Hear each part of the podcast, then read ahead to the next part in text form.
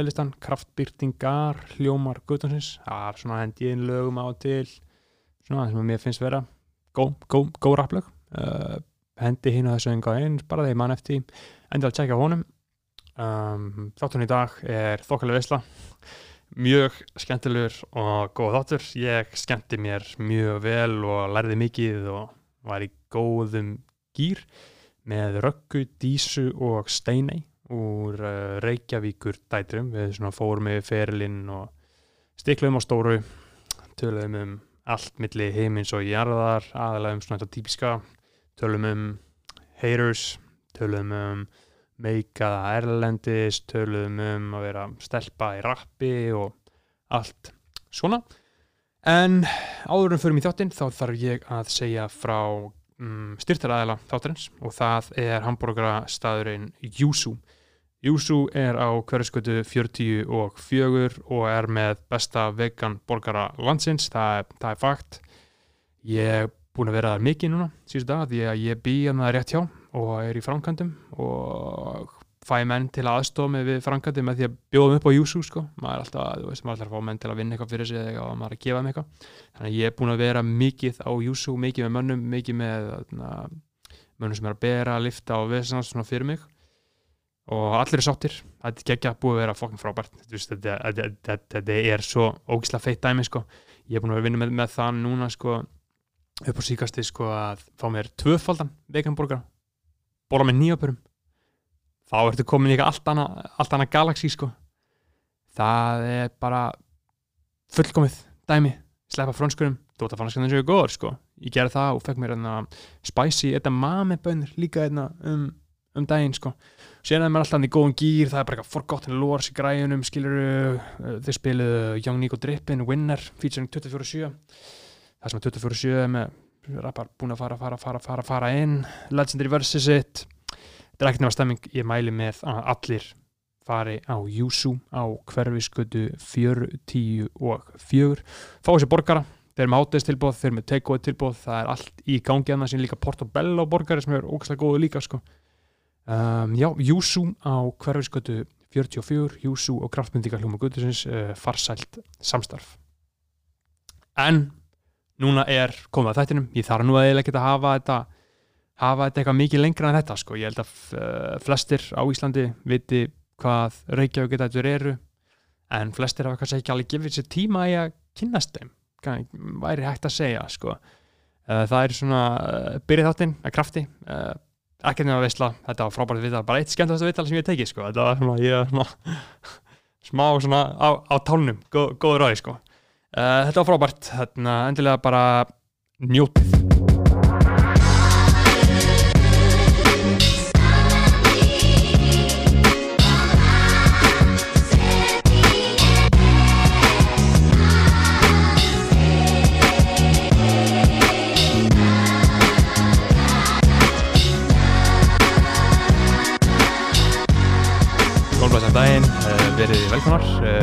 Ragga Þórdís uh, Steinei Dísa.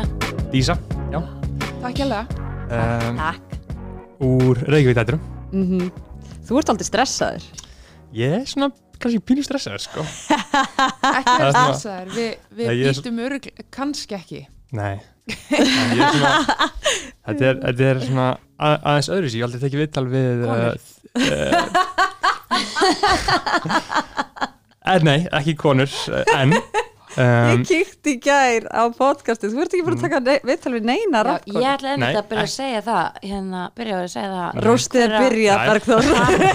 Takk, fyrir að fá okkur í þáttinn þrátt fyrir sem konur uh, bara takk fyrir Jú, Já, við kunnum bara- að meta það. Takk fyrir að er koma bara fallið þetta Þótt að ég sé, þótt ég sé með píku, þá finnst við bara mjög Já. vel myndið. og Það kannski ekki. svo mikið eftir að byggja Ég, ég hef gott að þessu sko? Ég, ég bara hef mjög gott að þessu sko Það er gott að hann tók þá þrjár svona í einu, einu höggi bara. Af því að núna getur hann tekið viðtal við 20 rappstráki viðbót en hann fær næstu konu. hann er búin að tjekka þrjár af listanum. Ok, Ok, greimar leifum að klára það veist. Nei, nei, bara, þú veist, ef ekki bara drífa þetta af eða er eitthvað fleira Nei, ég held að sé bara komið Já, þetta er komið. Kom- Ok, nú getum við byrjað Nú getum við byrjað. Nú getum við byrjað Bannaði að kötta þetta út samt. uh, Sjáum til Þannig að fyrir það En já, verið velkomnar Takk kærlega. Hvernig er stemmingin, hvernig hafa það? Herðu, ég bara, ég hef aldrei verið betri svona í morgunsári, Dísa Ég er hrikalega res Er það ekki? Jú, Já. Röggur líður svo vel að því hún var að fá sér Tesla um daginn. Það er Já. bara allir dagar eru bara Þeir eru öðruvísi fullkomnir. Já, Það er svo Já. gaman að lappa út Mhm. upp í bíl Já, Maður er búin að hita hann og já. Sama tíma er minn bíl á líknadeild. Já. Í alvöru, sko. Það logar eitthvað ABS-ljós og vélaljós og það er ekkert hægt að gera. Já, Þannig að okkar, uh, hvernig okkur líður það fer rosa Mhm. mikið eftir á hvernig bílum við erum.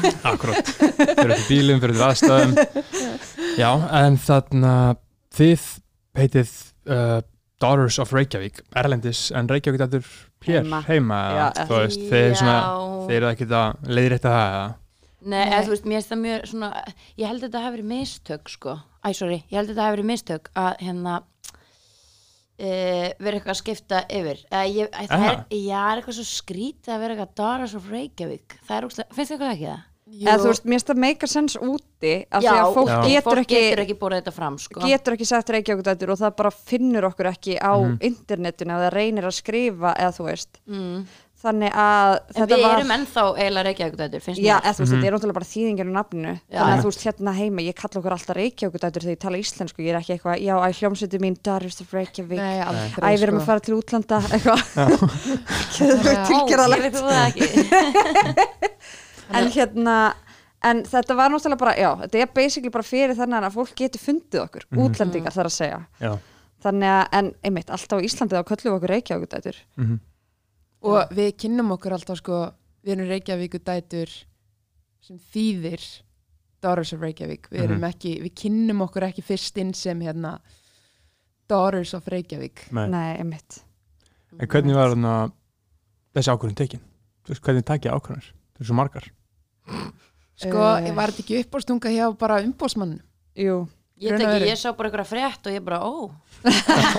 Ok uh, við tölum um þetta á Asana, Dísa. Ah, mun að vera kveikja á notification á Asana. Hvað er að sagja? það er appi sem við notum. Þetta Æ, er er svona- skipulagsapp Já, Ok, Það er örugglega eina ástæðan fyrir því að, nýju manna band getur tekið ákvarðanir og, og gert umbósmaður Já. og einhver PR og eitthvað svona getur hjálp, eða þú veist, Erum náum svo- við saman Já, Já. við hefum svo mikið að fá spons frá sko Já, Því að þetta er að bjarga líf okkar já, alveg gjörsanlega Þetta er þetta ríkala streituvaldandi app en alltaf Já. en hvernig, hérna, hver myndir nú því á Messenger? Uh, það er svona viltu fá alveg details um hvernig bara- virkar Hvað hvað er inn í? Já, þetta er bara svona þú veist, það er hægt að er gera svona verkefni fyrir hvern og einn og þú veist, það er bara Mm. þú fær þetta verkefni, þú fær þetta verkefni og þá fær notification þegar það er að koma deadline á þitt verkefni og og það þetta er hægt að hafa kommenta eða þú veist, Já.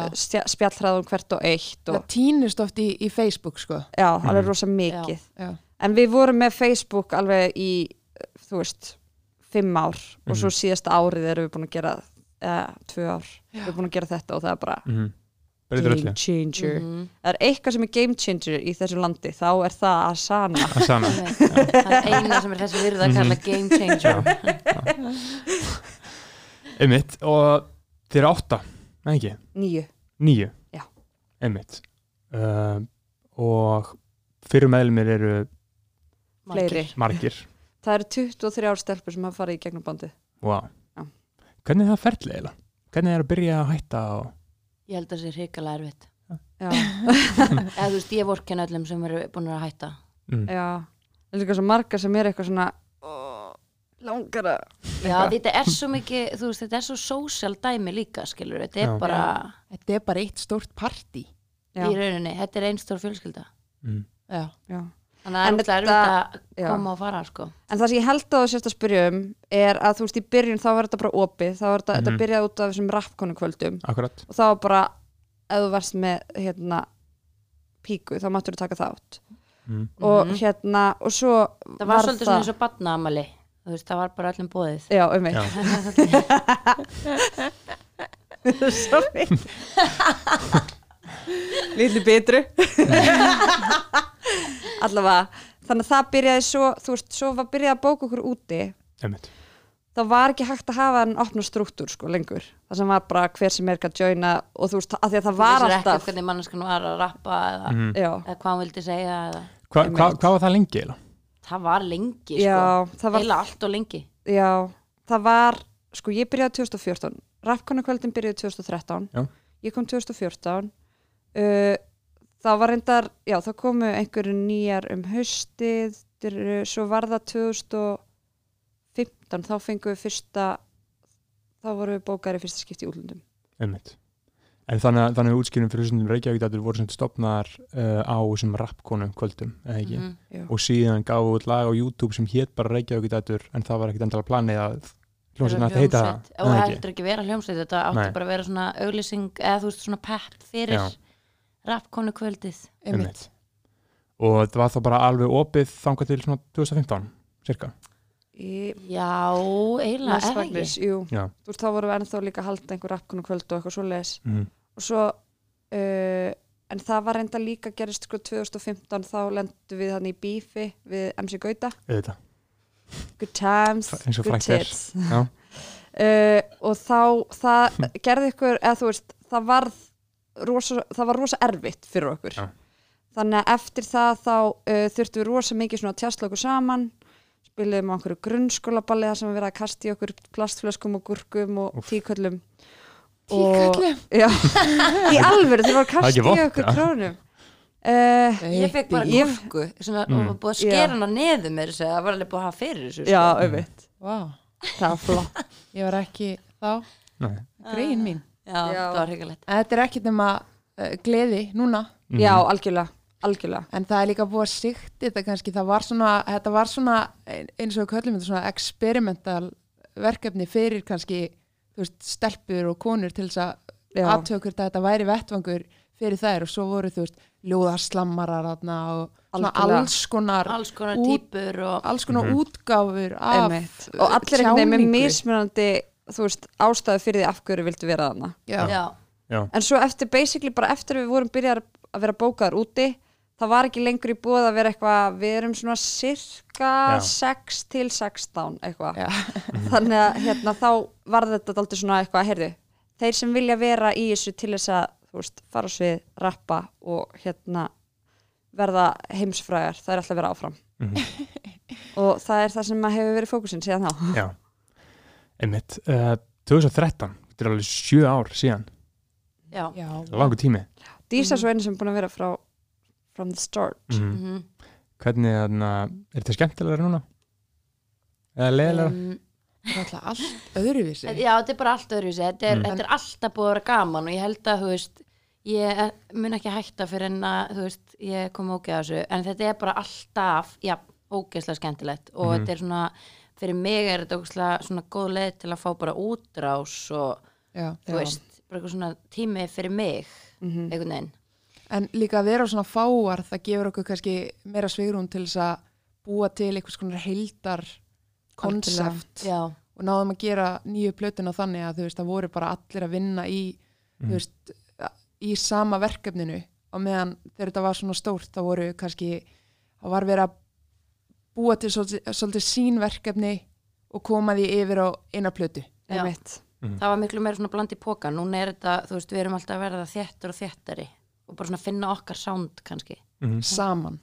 Hvað finnst ykkur svona skemmtilegast að þetta? Er það þú veist að koma fram? Er það búið til tónlistina? Er hluta einhverjum hóp?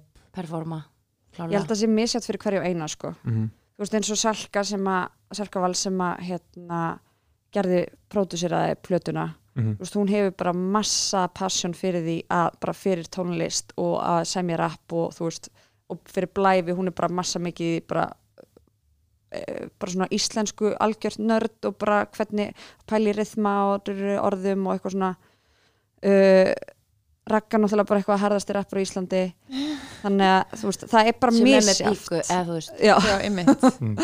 en þú veist, það er náttúrulega bara misjátt eftir mm. -hmm. Þannig að þú veist, það er ekki, ég, mér finnst ekki hægt að alhæfa Einmitt. þannig að ég tala fyrir mig persónulega að koma inn í einu hóp, þú veist, ég er aldrei eins stór eins og þegar ég er á sviði með að ég dætrum Mm. og það er bara eitthvað hvað, eitthvað En síðan er líka orðið miklu skemmtilega að semja þegar við erum allar bara upp í bústa að semja saman. já, Við gerum það svolítið. hefur þú séð okkur live? Já. já, hvernig sást okkur? þú veist, ég man ekki eftir einhverju sérstöku en það er eiginlega bara Varst það þú sem hendi gúrkunni?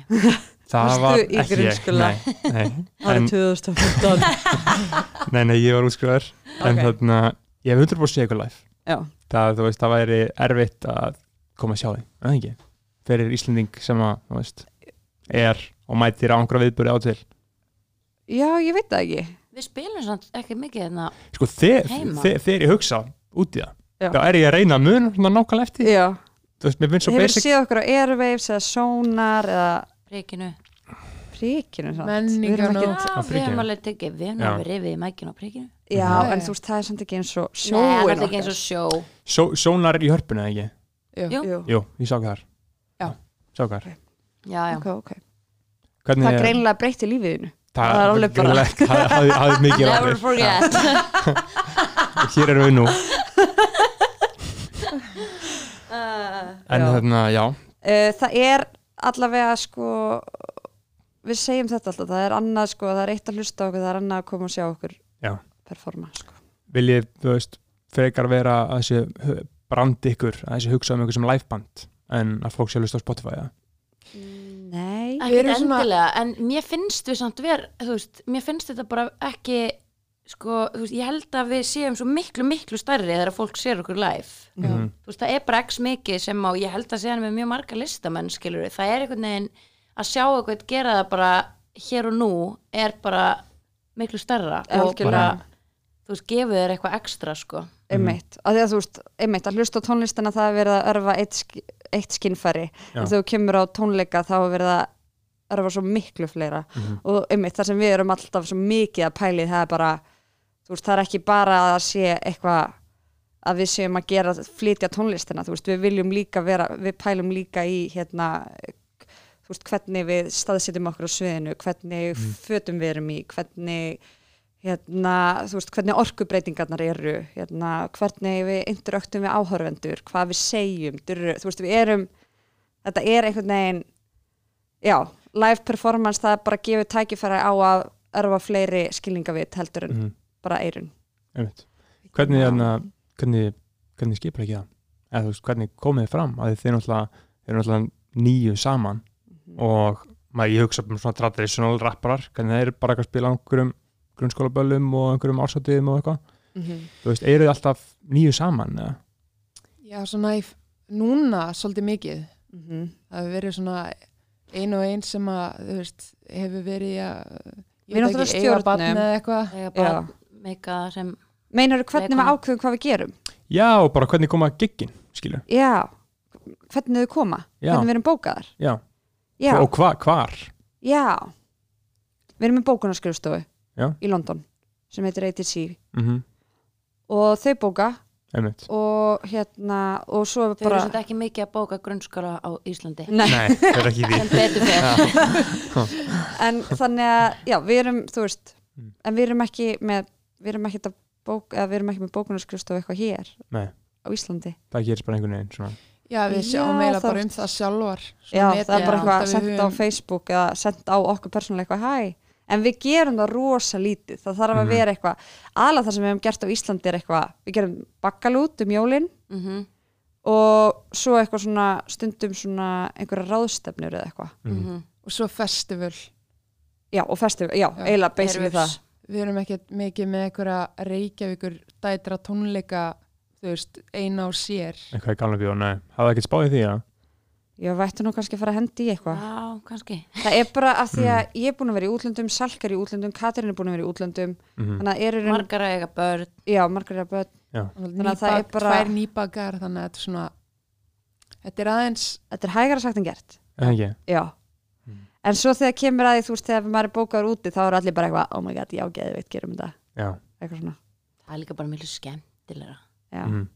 en líka að því að okkur finnst einhvern veginn held ég að þegar við spilum á Íslandi þá, þú veist, þá viljum við gera svo geggjað sjó einhvern veginn ef við höldum okkar eigin tónleika. Það er annað að spila á festivali þar sem maður fær þú veist, 45 mínútnar slott Mm. og maður er, þú veist, það er bara ákveðið þú veist, setup sem maður fær. En ef við erum að fara að halda okkar eigi og okkur langar að gera allt sem við gerum svo vel þannig að þá er það bara eitthvað þá myndum við alltaf vilja hafa einhverja flugölda sko. Já, því að fólk mæti til að sjá ykkur er ekki bara á festivalinu Já, og já. kíkir Já. En já, þið hafa verið að spila mikið erlendis Já. uh, Hvenær byrjaði það? 2015 mm -hmm. og vatt það síðan bara upp á sig ja. hvernig, og hv- hversu oft, vitið þið hversu oft? Vá, Við hefum spilað úti Já, það er svo oft ég taldi það eitthvað um daginn Já. Og ég man ekki hvað ég taldi. Þannig að þetta voru tilgangsleisar upplýsingar að ég hef talið um daginn. En já, við spilum fyrsta skipti á kvikmyndaháttíðs í Malmö 2015 næs við vorum svo fucking peppar fyrir því. Við Já. vorum bara, oh my god, ég trú ekki að þetta sé að gerast this is our big break. Já, og svo mættum við og Giggi var, þetta var eitthvað svona st- standandi veisla, það var enginn að pæla í okkur. Við vorum samt bara eitthvað, oh my god, þeir eru búin að meika það en svo gerðist það sem uh, 2015 og þá hérna fengum við rosa mikla aðtegli fyrir giggið okkar. Uh, vorum þá í svona húðlitum, svona samfellum. Mm. og það þú veist kom í Rolling Stone og eitthvað. Þannig að við hérna eftir það vorum við bókar og hróaskeldu uh, hérna f- f- hérna hátti hvað hétt Fiberfib það sem við vorum þannig með. Kendrick Lamar Já, það var gaman. Uh, og eitthvað svona fullt að hátíum þú veist sumarið og eftir þannig að eftir það þá bara allt í einu svona einmitt, það er svona sprakketa þar sem að Mm. og eftir það þá erum við bara búin að fókusa á það en giggum þú veist, tökum Airwave sem er náttúrulega showcase festival uh, til þess að geta síðan spila meira úti. Mm. Stendur það, það alltaf undir, undir kostnaði að fara út á festival spila? Já, þau bara borga alltaf, þú veist, fáið þið náðu að fá laun eða? já, já. Já, já, Já, við ok, borgum okkur alltaf. Já, laun. Ok, Ég menna Ragga var að kaupa sér Tesla sko. það er er bara peningurum frá. Reykjavík Já. Já, já, við hérna fáum alveg góðan penning fyrir gig. Ok, geggja, ég, af því að ég einhvern veginn haldið að bara eitthvað festival borgi bara eitthvað piece of shit og, og látið tónlistamennina koma eitthvað, ok, það er bara íslensk festival. Já, það er ekki. Nei, er, en hérna uh, já, við erum náttúrulega, þú veist, þetta er ekki eitthvað brjálaðar upphæðir sem við Nei, nei. fáum. Og þetta er náttúrulega líka bara, en jú, við fáum alltaf laun. Mhm. og, veist, og við settum okkur í byrjun þá erum við svo mikið bara eitthvað, oh my god, þetta er geðvægt við þurfum ekki, þú veist, ég skal borga með mér eða eitthvað, en svo erum Það við bara þannig. Það er ekki, eða þú veist, Nei. það er ekki búið lengur. En það er líka kannski svolítið sem maður þarf að gera til að koma sér á framfæri. Mhm,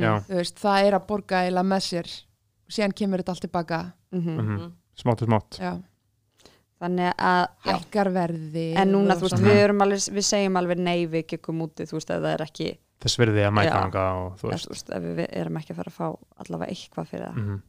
að því að einmitt þú veist, það er líka bara orðið núna, við eigum börn, þú veist, við erum Já. allar í öðrum vinnum þú veist, það er alveg hérna, við, einhvern veginn, við viljum bara gigga ef það er eitthvað sem okkur finnst vera Mhm. spennandi einmitt, þannig að það er svona akkurat um, munurinn á svona að fá viðurkenningu og eða bara svona meika hér og heima, hvort spáðið þú veist meiri, þú veist að þið er náttúrulega búin að meika erlendis. Og, en, en finnið ykkur samt svona knúnar til þess að fá eitthvað samþykjan á Íslandi líka að þið er náttúrulega íslenskar? Eða er ykkur alveg sama hvað fólki finnst um ykkur hér og hugsi bara um erlendis? Það er svolítið þannig núna. Þú veist, við bara Já, okkur... síman og silent það er- ég er alveg samvisku sannlega bara Mhm. airplane mode En við, þú veist, við erum náttúrulega svolítið að fókusera á erlenda marka því að ég meina Ísland er bara eitt land Mhm.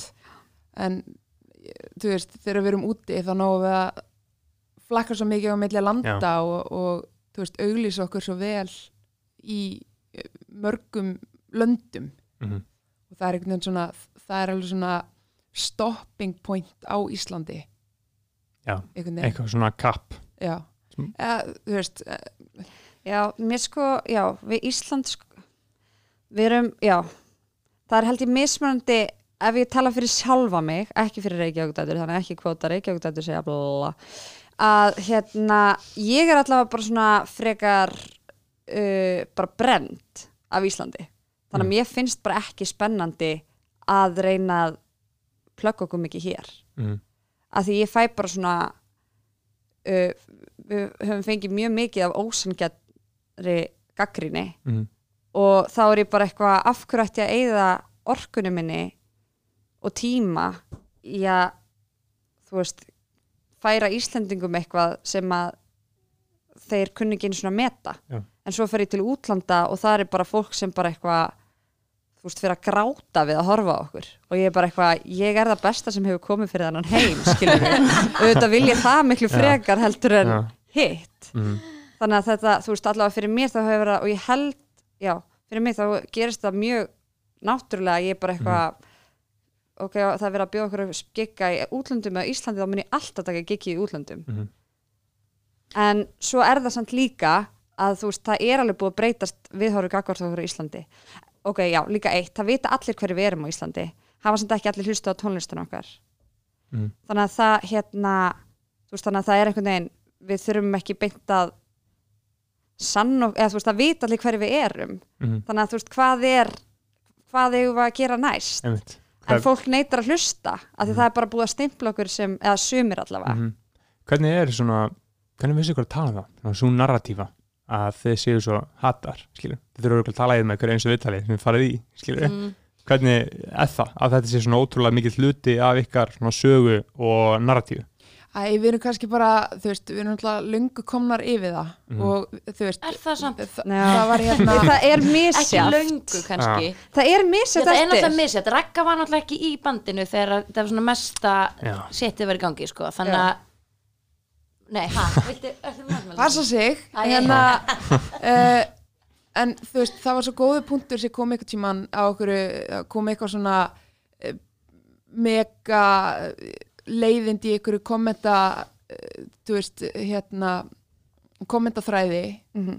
og þá var eitthvað sem sagði bara munið og hver, þú veist, á móti einhverjum einum sem að eh, er ekki tilbúin til þess að samþykja bandið þá eru tíu aðrir sem að Já. elska það algjörlega maður svona tínir því pínulítið maður, af því að þú veist, það kemur eitt neikvætt og það situr í manni. Algjörlega. Svo koma bara eins og í 14 lífinu bara já, yfir höfuð. Svo koma 14 næs og maður bara, já næs. Síðan kemur eitt eitthvað svona mö, þú veist, ég get ekki útskrift, útskrift þetta öðru sem Algjörlega. en þú veist, við erum alveg búin að læra það bara, já, já, ok, herðu hérna, hafð þú bara þína skoðun síðan 2013, algjörlega. Einhvern veginn þannig.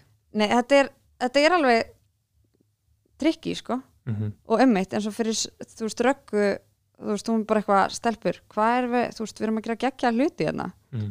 af hverju erum við að tala um eitthvað fáránlegt dæmi sem gerðist fyrir, þú veist Já, ég fjórum held að árum eða fimm smá- árum. Þetta hafði ógslag slæm áhrif á okkur Þú veist, eðlilega. En fyrir mig þá situr þetta gett í mér. Þannig að þetta er bara ógislega misjæft Já, innan þetta hópsins situr, Ég held að þetta sitji í okkur flestum sko Já. uh, en þá að einhverju leiti en þú veist, auðvitað ámar ekki að gefa því fókus Nei. einhvern veginn núna að því við erum að, þú veist, bara að reyna að vaksa skilur og, Einmitt.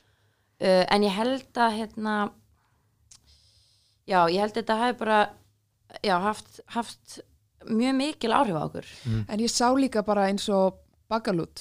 Við spilum fyrir 18.000 Íslendinga, cirka bát. uh Og það var, það voru mjög góðar móttökur að því að kannski sá fólk bara, já ok, þetta er bara, Þetta er nú er bara já, þetta er bara svo, Þetta er bara aldrei flott þetta var nú bara svolítið skemmtilegt atriði. Þú veist, ég var svona, ég beið alltaf eftir að kemur svona, einhvern einn í salnum bara. það var allt Já. vittlust. Og þetta er, þetta er þannig markkópur að maður svona, yes, En svo er þetta líka ekkert spurning um skilur, það er bara hitt besta máli ef að fólk fílar ekki tónlistina manns eða whatever skilur, en þetta er meira kannski bara spurning um að við fáum space til þess að vera. Já, já, já, skilur, já, eða bara það sko. Já. og það var ekki þannig til að byrja með. Finnst ykkur þetta hafa, þetta hafa haft áhrif á okkur svona utan reykjaðu þetta það sem þið eru að gera persónulega? Eins og Já. bara í öllum öðrum merkanum ótengt? Já, Já. það eru fleiri gaurar sem vilja sofa hjá mér fyrir vikið því að ég er Reykjavík dætrum Já, Erum við ekki að tala um, erum við að tala um það? Nei, Nei, varstu ekki að spyrja um það? Eh, Varstu ekki- ekki- ekki. Hverju vilja sofa hjá okkur? Þetta er ekki viðtalum að Steini fá að segja eitthvað svona sko. Nei, meinar, þú veist, allt meina bara í, heitið og bara í það sem le, við gengum í leiklist gegnum. fyrir já, þig Já, ég held það En ég veit ekki, ég get eiginlega ekki útskýrt það nema bara, þú veist um, þú veist, þetta bara býr til eitthvað svona evasemdir í hausnum á manni, mm. og það er ekki þú veist, einmitt, maður vill bara fá space til að vera, hvernig sem maður er þú veist, af því að ég meina við erum ekki ég meina við vorum ekkert ég myndi örugglega frekar hengja mig heldur en að hlusta á fyrsta lagi sem við út skilur þú veist, og bara fyrsta, annað, þriðja skilur bara frekar skera mér útlim Já. e, þannig að, og það er bara allt í lægi skilur Mhm. það er bara, og við erum ennþá á þeirri vegferð að vera bara að prófa okkur áfram og fá að vera ófullkomnar og fá að vera geggjaðar. Já. Og það er kannski bara það er bara mikilvægt í öllu. Þú veist Mhm. bara eins og leiklist, þú þarft bara að fá að gera mistökin og þarft að fá að vera alls konar og vera breyskur og vera manneskja skilur án þess um að allir séu bara þú veist, með nýf á Mhm. eftir þér skilur Það getur örugglega allir tónlistamenn litið tilbaka og bara, oh, ég þarf að bara dílita þessu á Spotify, sko. Það- Nema Bubbi. Já, nema Bubbi. Franki Mortens. Já, það er einmitt það sem við ætlum að tala um núna. Nú ætlum við aðeins að tala um hann. Já, nei, algjörlega. Líka Já. þú veist, þú bara pælir í 2013 bara allar þessar stelpur voru að rappa í fyrsta skipti. Já. já, ég var, einmitt, ég líka bara datt inn í þetta og bara eitthvað, já já, nú þarf ég að rappa. Eitthvað svona 2014 Æ, þú veist, ég fæ bara svona kjánarhóll þegar ég hugsa um það. Líka bara en samt svo bara ógæslega fallegt sko. líka sem að var ég Já. bara svona, uh, þú veist, ég bara uh, Alla bara eitthvað, já, já, nú erum við rapparar. Þá séum bara Eitthvað svona- derhúfu og gullkegjur og körfuboltabóli æ, En þú veist, en basically að því að við fáum svo miklu annars strax eða það er áður en ég byrja. Og þú veist, þetta er allt búið að vera bara in the eye of the public bara Einmitt. öll þessi þróun í sjö Einmitt. ár. Sem er mjög óþægilegt sko. búin að þurfa þá- svona að þroskast og læra jæmt og þétt bara eins og eitthvað svona bara, bara eins og einhver, einhver barnastjörnur eða þú veist, bara eitthvað Justin Bieber dæmi. Við erum Við erum Justin Bieber Íslands. Það er líka kannski, þú veist, eitt faktor eins og með að spila á Íslandi. Þú veist, við erum ekki uh, barnastjörnur. Þú veist, það eru rosalega margir sem að Jú, við erum Við Justin Oh my Bieber God. ok, ok, já. rosalega margir sem að hvað, ég vil heyra hvað Já, seg, sorry. Sorry Raka um, Nei, ég veit ekki alveg hvað ég er að segja. Þú veist að hérna uh, margir, þú veist, rapparar í dag Mhm. komast upp með að spila á grunnskólaballi eða eitthvað. Þú veist, þeir eru bara einhvern veginn að ég veit ekki hvað ég meina. Þú veist, Komast upp með að ég veit ekki alveg hvað ég að segja en þú veist, Nei. við færum ekkert að spila á svona vi- grunnskólaballi Þú veist, það er bara því við erum svo ógæslega en við spilum reyndar einu sinni á mentaskólaballi og það var ógeðslega gaman Já, þannig að MH það var bara, Já, mm. þú veist, fílingur fílingur ég, þú veist, Mhm. það komið rosalega óvart þannig að, þú veist, við föttum kannski að já, þetta er kannski líka alveg okkar vettvangur Mhm. já en, mér finnst það rosa marglaga sko, ég mani, ég var stressu fyrir þessu mentaskólaballi af því við höfum ekki spilað alltaf lengi á já, Íslandi ég var, ég var eða þú sko, veist svona, send ekki á festivali af því á festivalum þá eru alltaf útlendingar. Ég var mjög hrætt ég var bara ég var núna. bara blackout, ég var Já. ekki svona eftir þessu. Ég held að þetta hafi þetta var örugglega svona fyrsta gigi okkur eftir þetta gúrku gúrkugigi, já, Mm. fyndi, gaman að segja fyrir því að Króli bókaði okkur á það gig, hann var bara mega fan og bara, ó það er svo geggjaði síðan. Jú, ég elska Króla en hérna, og svo komum við þarna á MH-balli og þá er maður eitthvað svona þú veist, það er, maður er smá traumatæst stundum já. eftir að hafa lent í þessu þú veist, lent í kommentakerfinum basically, og þú veist þess vegna, já, þannig að en svo fórum við á MH og það var bara ást og fólk var bara eitthvað það var fokkin úr í drauknir já. oh my god, ég heyrði líka eitthvað, við vorum að lappa út og þá heyrði ég að þú veist eitthvað svona hjá dauðaherbygginu einhverju svona verðir að var eitthvað já, þeir eru bara á kókaini sko, eitthvað svona ég var bara á grunnskólaballi nei, með það Mm. er þetta ekki, það má alveg segja þetta það, það, það má segja þetta Já, í podcastinu. auðvitað, auðvitað. Vissur þetta, Auðvitað. var þetta í gangi þegar þú varst í mentaskóla? Hvað ertu gammal? Ég er fættu 95 þú er 95 móti Já. Já, já, já, já, já. menn voru ekki að taka Ert svona kokain hreikala ungur þú ert, já, hvað er þig kannar? 29 ára 30 Einmitt. Ég, Raka er eldri en Já. það ég er eftir það. Mm. Við erum ekki að tala um það núna Nei, nei, Raka er Enda- rosalega gummul tjók Raka er 32 já, enda búin að vera að síðan 2013 Mm. það er sjö ár mm. það Ég- er, ég það, sé það, það, okkur- er, það er lengra en flestir rapparar Já. nú, nútímans Ekki Já. MC Gauti, hann byrjaði þegar hann var 7 ára Já. eitthvað. bara við elskum þessar mellur Já. bara, ok Já. hann byrjaði 2002 En þú veist sko. hvernig var það? Þannig að þú hefur verið 18 ára þegar við vorum að byrja Manstu Já. eitthvað eftir þér? Nei, ég man ekki Þú varst eftir á því, sko, kókaíni. ég þá hef verið kókaðið á okkur balli sko. uh, ég man ekki ég, ég, ekki þegar þið byrjuð sko. en ég man auðvitað eftir En mannstu eftir okkur í Gísla Martini já, já, auðvitað, Já, já. Og auðvitað. hvað fannst þér? ég man ekki alveg hvað mér fannst sko. Nei. en ég man bara, ég hef alltaf verið bara svona, já, bara næs, skilur Mm Já, ég hef aldrei, aldrei ég hef alltaf fíla rap, bara Já. alveg síðan ég man eftir mér já, já, já og aldrei talað gegn ykkur Nei, nei, nei en ég hef heldur Við erum ekki en- ásækjað um það, við erum nei, bara forvillast Já, sko. já. en, en ég hef heldur aldrei uh, eða þú veist, ég var Þú veist- heldur aldrei eitthvað ofnbjör stuðningsmæður, Nei, nei, nei, skilur nei. hvað ég meina Mhm. þú veist, af því þetta Nei. var bara svona En það er líka bara allt í lagi, skilur það er ekkert eitthvað, ég er ekkert eitthvað að seima fólk sem er eitthvað ekki að hlusta tónlistin okkar Nei. en ég seima það ef það, þú veist, er búa til eitthvað skoðanir byggðar á Engu. engu Já, Akkurat. einmitt og svo er það líka svo áhugavert að þú veist, maður einhvern veginn tekur eftir hérna skoðanum, þú veist, fólk sem að er að segja bara, að þetta er ömulegt, eitthvað svona uh, og maður er eitthvað í annarkvort bara hatar fólk okkur eða það dýrkar okkur. En þú veist, svo er ógeðslega mikið af fólki inn á milli sem er bara, já, það eru fínar. En ég er bara ekkert eitthvað fara á Facebook eitthvað, mér finnst Reykjavíkudætur fínar. Eitthvað. Og það skal bara koma fram eitthvað. En þú veist, maður gleymir því svo mikið, þú veist, eitthvað svona að það er bara alltaf eitthvað svo mikið eitthvað svona, með alltaf hornum sér bara, ó, fólk er bara annarkvort með eitthvað, Og og það- móti og þetta er með það sem að þú færð ekkert að vita ef fólk Nei. bara, já, næs, bara Já. fíla það sko. Það Hlusta sko. stundum, stundum ekki Já. Jú, ef ég kemst á tónleika þá mæti ég eitthvað svona Já, en mér finnst það einmitt svo áhugaverð þarna, örgulega svo pyrrandi fyrir ykkur mm, að þurfum alltaf þegar að tala um ykkur eins og þannig, við þurfum alltaf einhvern veginn að tala um Heitið. heitirana já, ég veit það Já. Já, það er Ragga hatar það sko Já, ég Já, þóli það það er náttúrulega ekki gott að imblina á eitthvað svona Nei. neikvætt, skilur Nei.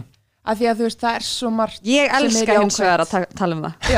Ég er þetta að elska það smá líka að það er svo gott að vera eitthvað, við erum búin að vaksa svo mikið síðan þarna. Gott tókst mér að komast í gegnum. Fólk er að tala um að hafa verið í neyslu skilur, það er bara geggjað að tala um það. Þú veist, ég meina Bubi. Mortens er alltaf að fokkin tala um það. En þú veist, frá því að þið voru frá upphafi, þá er það náttúrulega geggjað að tala um það. Já, Þú veist, að hafa þú veist, started, started at the bottom, now we here. Feelingur, sko. Já En En það, einmitt, þetta er svo geggjuð að því að við erum búnar að vinna þannig að þá er það Já. svo hérna geggjaður uh, sigur í því sko einmitt. en hérna, ja, að einhverju leiti ég er samt ennþá með þú veist uh, PTS að hart að vera, nei ok, ég get ekki sagt það hvað? PTS að hvað- Æ, það er í áfallasteytur Já. það er ekki það sem ég er Nei, nei. ég ætla ekki að vera eins og eitthvað ágúst eða eitthvað, mér var nöðgað og ég er eitthvað Mhm. allavega, ég ætla að segja en ekki þegja að hérna verður eiginlega að útskýra betur þegar þú segir Ágústa ef að mér var nöðgað, sko. Já. já, þetta var þess að sem hún sagði eftir Gíslamartin Já, það það- byrni Mér finnst, já, Hvað, sko, það er ógeðslega fyndið og hræðilegt. Þe Já. þe þetta var þess að þið uh, performuð uh, ógæsleg, lagi ógæsleg mm Mhm. á Gíslamartinni Mhm. og þetta var svona óvennilega framkoma þið voru með svo, í, í settinu. Já, þannig að svona, og hvað þetta var ég, ég horf á þetta í, í, núna bara uh, í gær sko. Fyrsta skipti? Nei, nei, nei, auðvitað ekki Þú ekki. horfir einu sinni í Já, viku já, alltaf. já, ég horf, ég, ég regla líka kalendir að tjekka á þessu sko. En í hvað svona hug- bookmark. Hvað hugsaður? Hvað fór í gegnum Sko, hausina í- þegar þú horfður á þetta í gær? núna finnst mér þetta bara epic sko. Já, Einmitt. Já. bara 100% snild, en ég man ekkert ég man eiginlega ekkert hvað ég var að pæla sko. Nei. 2016, þetta var sko. Nei, einmitt. En núna er mér bara tjóð snild, Já. skilu Já, þetta er náttúrulega Bara- fyndið. Að ég man þegar við gerðum þetta og hérna eftir þetta þá vorum við eitthvað svona að hljóðið var nú eitthvað skrítið efni í settinu, Já. ég veist ekki alveg nú, eitthvað svona, það var eina sem við vorum að það var pæla í. eina sem Já. vorum að pæla. Ég var ekki, ég var bara, já, fönni hún hafi labbað út eitthvað svona, ég tók ekki einu svona eftir hún hefði labbað út Já. og ég man að því ég á loka erindi, ég tók mitt erindi og svo labbaði ég út af og ég man alltaf bara að hugsun að labba út og ég er eitthvað ah, við hefum nú geta gert aðeins meira. Og bara little did I know.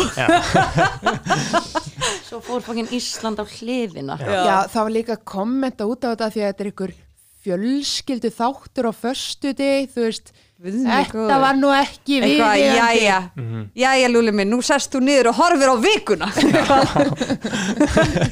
það verður nei, nei, nei, það er ekki bíómynd í kvöld það er vikan, kallið minn eitthvað. það er enginn að fara að segja mér að það við sitja að nýjóra krakkar að horfa á Gísla Martin sko Nei, en mér, mér finnst þetta svo skemmtilegt sko, að þetta greina svona greinandi sem listir hann gjörning á svo mi- mismunandi hátt sko, Þú veist, þú getur, zoomað inn á Jóhannes Haug eða Sóla Hólm, Já. eða Gísla Martin eða Ágúst Efi, og við erum svona að fá viðbröðin frá þeim. Ég held að Gísli Martin sé ennþá bara að lifa á því að hefur settið í fanginu á honum sko. já, hann talar reglulega. um þetta. Já. hann er ennþá með hann. Hann er bara enn nei, Þetta er ógeðslega, hvað er hann?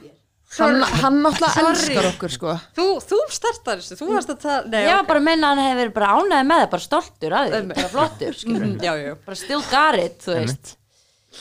ah, ok, Já, já, já, já. En já, þarna Ágúst Efi, já, henni fannst þetta bara svíðarlegt, já. gekk út. Sem er Mhm. ógeðslega skrítið að því að nú gáðu Verandi henni rosalega margir space til verandi að bara með vera hún. karakter sem er bara til að augra fólki og bara fokking rústaði Evrópu eða eitthvað skilur Já, ha, ha, ha, hafi hitt hana? Eftir þetta, Já, nei ég er Ég hef ekki hitt ógeðslega stressuð að hitta hana. Þe ég þe kannski- þekki hann eitthvað Að þú veist, ég er sko svona- mjög ofta að döppa hérna, þess að tala sér þetta teiknum þær eru náttúrulega sýsturnar í Frozen. Já, hún er Elsa, ég er Anna í Frozen Ok, er En þetta þegar- ekki með Frozen plástur eða eitthvað? Nei, þetta er hvernig ekki plástur Frozen. er þetta? Nei, þetta er eitthvað, þetta er eitthvað önnur prinsessu Ah, já, mm, Já. ok, ekki cool Hanna, nei, ég hérna, lagt. Ég er lett uh, kann að meta greinlega ekki búin að gera með- heimildavinnuna nei, hérna, já, vi, og við erum sett, systur í þeirri tegnumynd Já, og við erum náttúrulega ekki systur í alvörunni. Nei, nei margir halda það. Margir halda á það, en það er ekki þannig. Nei, hérna, ég, ég veit það ekki. Ég hitt hana fyrir þáttinn áður en við tókum þetta upp og þá var hann bara, já, hvað lag ætlaði að taka? Og ég bara, já, hann bara að taka hérna ógeðslega. Bara, já, það er geggja lag, eitthvað mm. þetta var eitthvað stönd já henni bara. Ég er bara mjög ánað með þetta stönd Já, Nei, þetta já, gerði, fólk var eitthvað svona eitthvað, þetta var planað og ég var eitthvað, ó, ég Vildi þetta hefur óska planað. að við Já. höfum fattað upp á því að það hefði verið geggjað en, En við Sóli vorum í Holmes staðin sérst alveg mjög greinlega hann vissi ekki neitt hvað var að gerast. Nei. hann var bara Já, hvað hva, hva, á hann að gera? skilur? og Hann fór að dansa eða eitthvað Nei, já, hann held að Ágúst eða væri að standa upp til að fara að dansa með já, já, já, já. og hann eitthvað svona ætlaði að fara að standa upp líka og eitthvað, nei, býtu, Ógeðslega þetta var, þetta var ógeðslega fyndið, þú veist, ég man líka bara eitthvað daginn eftir þá ringir eitthvað uh, einhver útvarstáttu vil spurja hérna Ég út með svona sjömist kól frá hérna fréttablaðinu og Já. DFF og eitthvað daginn eftir. Og þetta var svo fyndið að því við vorum svo ekkert undirbúinir því við vorum bara eitthvað að fara að taka eitthvað lag. Auðvitað eins og ég segi, það var eitthvað já, já, þetta verður nú vonandi eitthvað fólk mun vonandi horfa á þetta Sko, kannski var aðeins og mikið að annað að hafi verið með dildó Já, að kannski. það, Það var kannski kannski aðeins og mikið. Já, Ætla það samt? Eða, þú veist, Nei, nei, í raunin ekki, skilur en bara, þú veist ég, það er svona það sem ég skil eitthvað, á ok það, ég, Já. kannski fyrir þetta fyrir brjóstið á einhverjum já, kannski óþar að En- vera að dræhampa fólk bara með dildó án þess að láta en hún það var það vita dræhömpaði ekki Er það ekki? Nei, hún var meira bara að gera svona upp í loftið Hún var bara eitthvað eitthvað hér Já, Þú veist, hún var ekki á einhverjum þú veist, utan Nei, í lærun á einhverjum með Ég held það þannig. kannski, að ég minna annars, ákveð ættir annars að segja að mér líður sem mér hafi verið nöðgað Mér finnst það svolítið Nei. svona svo svolítið, en það er líka En, þú það, en svo er náttúrulega bara á hún náttúrulega rétt á sínum upplifunum Ágústefa. Þannig að þú veist, mér var í rauninni þú veist, það trublaði mig ekki að hún hefði stand, staðið fyrir sjálfur sér og labbað út Mhm. en mér erst bara rosa skrítið að varpa þessu yfir á okkur og segja að við höfum verið in the wrong einhvern Mhm. veginn Einmitt. Af því að þú veist, ég horfa á þetta vídeo en þann dag í dag, ég horfa á það á hverjum degi. Eins og ég. Við erum alltaf að senda á milli uh, hérna uh, nei, ég horfði samt á það bara eitthvað um daginn og ég er alltaf bara eitthvað, ég skil ekki alveg hvað það er sem er svona hræðilegt. Já, ég, ég stúdur þetta líka um daginn. Ég horfði á alla þú veist, Já. gera sitt Mhm. og eina sem að fekk mér svona ok, þetta er kannski fylgdi mælin Það var fyrir, ég fór úr buksunum já, nei það, það var gaman en, Það var svo krútlegt. það er svo krútlegt moment þú farið á buksunum. en fyrir markkópin sem að er að horfa á Gísla Martin þá voru þau kannski svona hvað er þetta Já. með tippi, þú veist, eitthvað svona þú veist, Eina sem stuðaði það var þetta tippi. já, ég held að gætir, já. þá að þetta verið svona Já, æja, það eru svona Mm. Bara búin að ákveða það þá að við séum bara einhverjir e, þær hafa verið einhverjir e, dildórapparar já. Þetta er, já. og þetta var kannski svona pík í svona Íslenskri umræðinni sjónvarsögu, já, já, íslenski sjónvarsögu, auðvitað, auðvitað en svona uh, nokkuð svona pík í umræðinum ykkar á Íslandi eða? fólk segir alveg, já, ég sá ykkur hann í Gísla Martini Einmitt. Ég lendi ennþá Já. því bara að taka leigubíla eitthvað og þú veist, leigubílstjórar bara já, þið voru nú þannig í gíslamartinni eitthvað svona, þurfa að taka fyrir þessa sjö samræður árum Öfitt. Það, jú, allir það ekki. Það, eftir þetta þá vita allir hverjir við erum. Einmitt. Eða margir hverjir margir hverjir. Alltaf ég er alltaf, það vita allir. Hver einasti íslendingur veit hver við erum. Og þetta var náttúrulega út af þetta var líka stort mál út af þessu viðtali sem Ágúst eða fór í eftir á Já, þetta fór hún í viðtal eftir á. já, þá sá hann Já, að henni leiði eins og henni hefði verið já, nauðgað í blaðinu já, já, já. nút, já, eitthvað viðtalið nútíman.is Já, Já. já, já. flott, gefa henni svona smá space já. En við vorum náttúrulega líka mjög mikið beðnar um að tjá okkur um þetta. já, Mm. En við vorum bara, no comment dæmi, já, sko. þú veist, og við gerðum það rosa mikið. Við Mhm. vorum alltaf bara með dálítið svona no comment policy í Mhm. gangi. Uh, en veist, en þarna það var bara eitthvað, hvað eigum við að segja? Mm.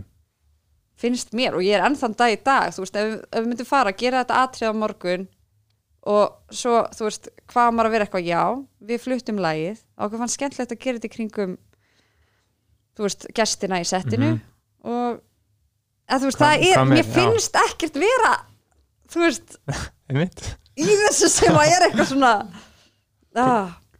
Hvað er Ég man að fólk eitthvað að poti í mann í sund og vera eitthvað því að þetta nú að byggast afskunar og ég eitthvað, á hverju? já, Ég skal skal byggjast afskunar alla daga. Mm. alla daga, bara ég er all for it að verða betri manneskja en ég sé ekki hvað ég á að byggjast afsökunar fyrir eftir þetta atriði. Nei. ég er brjálið!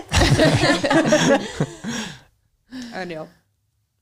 Einmitt. Uh, þetta, fó, þetta góðst mikið fréttinar hvernig, finnst ykkur uh, fjölminar fjallum ykkur, íslenski fjölminar finnst, finnst ykkur þeir hafa áhuga á nýju plötunni, þú veist, finnst ykkur finna svona fyrir velvilja eða?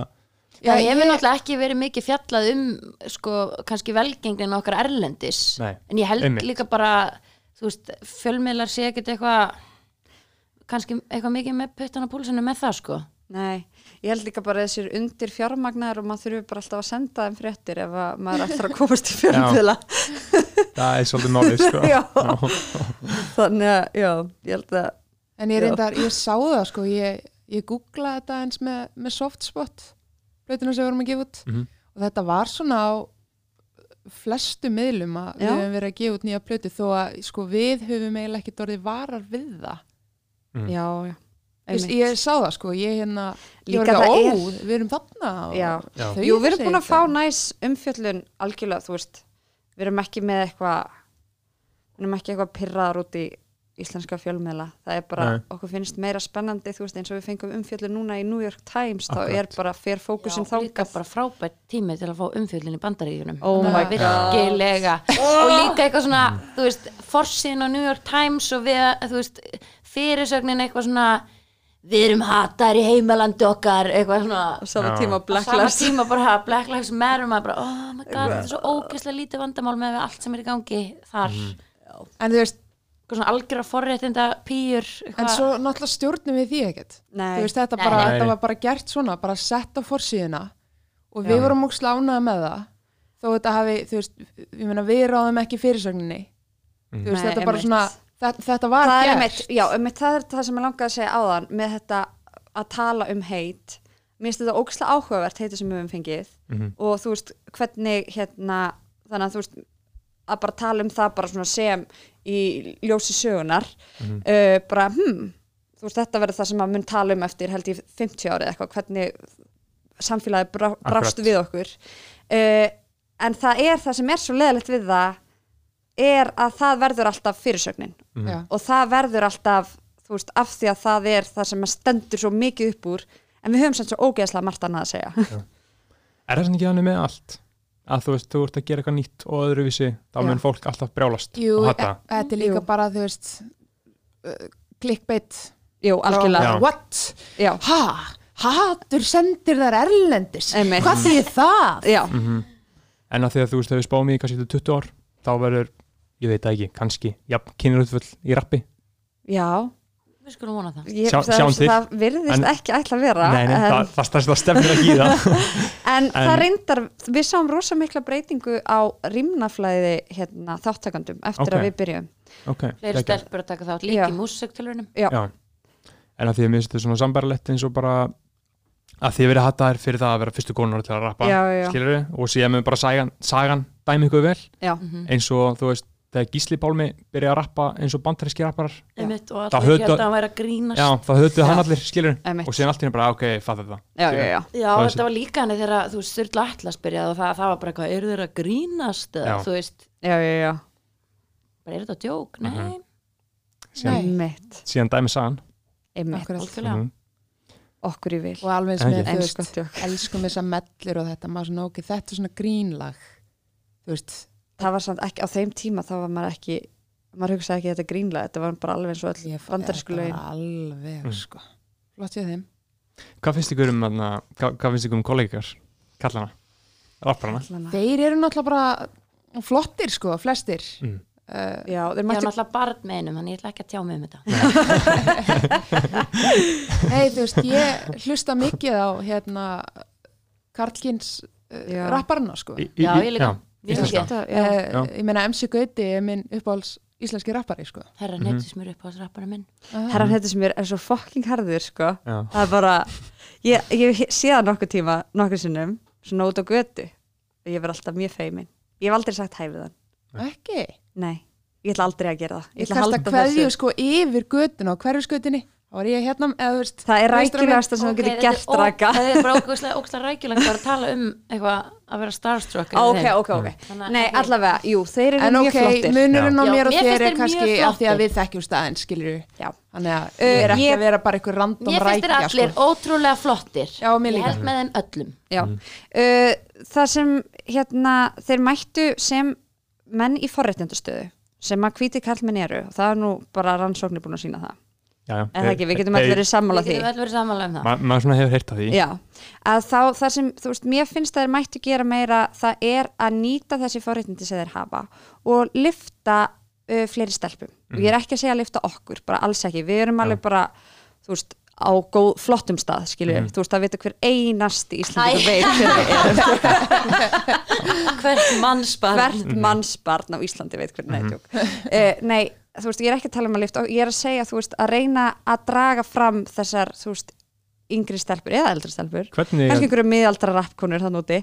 Nei, já, við, að þú veist að nýta þetta, þú veist, að vera meðvitaður um hei, ég hef já, auðveldra með að fá hljómgrunn og Já. þú veist, að fólk hlusti á mig heldur en hérna annað fólk í samfélaginu. Og ég ætla, þú veist, ætla að notfæra mér það hvernig, hérna, hvernig ættu þér að gera og hvernig ættu ég að gera eða þú veist, hva, Eh, hva, hvað fyrsta getur maður gert er að taka við til við konur eins og þú ert að gera núna. einmitt, Mhm. einmitt Virkilega flott. Einmitt, og, bara, og byrja þú veist að spyrjast fyrir um hvað, eins og þú veist Já. fyrir þinn þátt bara hvað fleiri, hvað stelpur eru sem eru hérna kannski einmitt, eru ekki búin að fá þessar spilanir, eru Mhm. ekki svona vinsalar á Spotify, þú veist, hvar eru þær og Einmitt. líka Eru þú veist eins og pródúserarnir eða hérna, mm þurfu ekki bara að vera einhvern veginn Og líka bara, þú veist, það er pláss fyrir meira en eina, sko.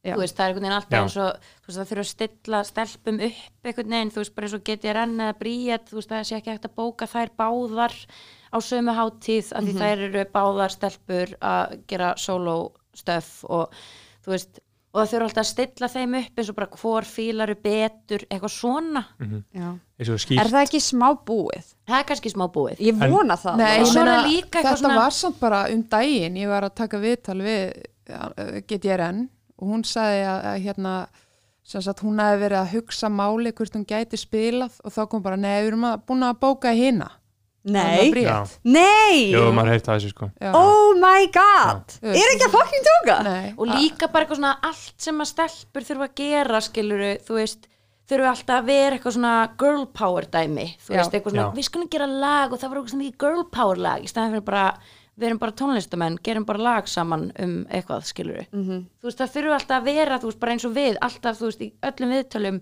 alltaf bara, já, nú eru þið feminist kljómsveit, þú Já. veist já, sem Einmitt. við erum náttúrulega, en ég meina, eru það ekki bara allir eða? Já, ætti það ekki frekar að vera að spyrja nú ert þú ekki feministi. Af hverju er það? Því að Já, það já. er frekar Já. skrítið og viljir ekki jafnrétti myndi kynjana eitthvað af hverju viltu jafnrétti fyrir kynjana? Þetta eitthvað er svo leiðileg nálgun á þetta allt skilur það er, finnst mér alltaf En mér finnst það sérstaklega eins og þau voru að tala um að, svona, að setja stelpunum móti hver annari Mhm. uh, Sé sérstaklega í bandarækjunum eins það og, sé bara eitt stöðugildi fyrir konu eins og Nicki Minaj og Cardi, B, B, skilur það eru bara settar bara hlif lið, there can only be one já, skilur það er hæðilegt því Já. svo er bara fullt af mönnum hann úti sem eru allir að gera það sama og þeir eru allir æði skilur Já, ploss fyrir það við það.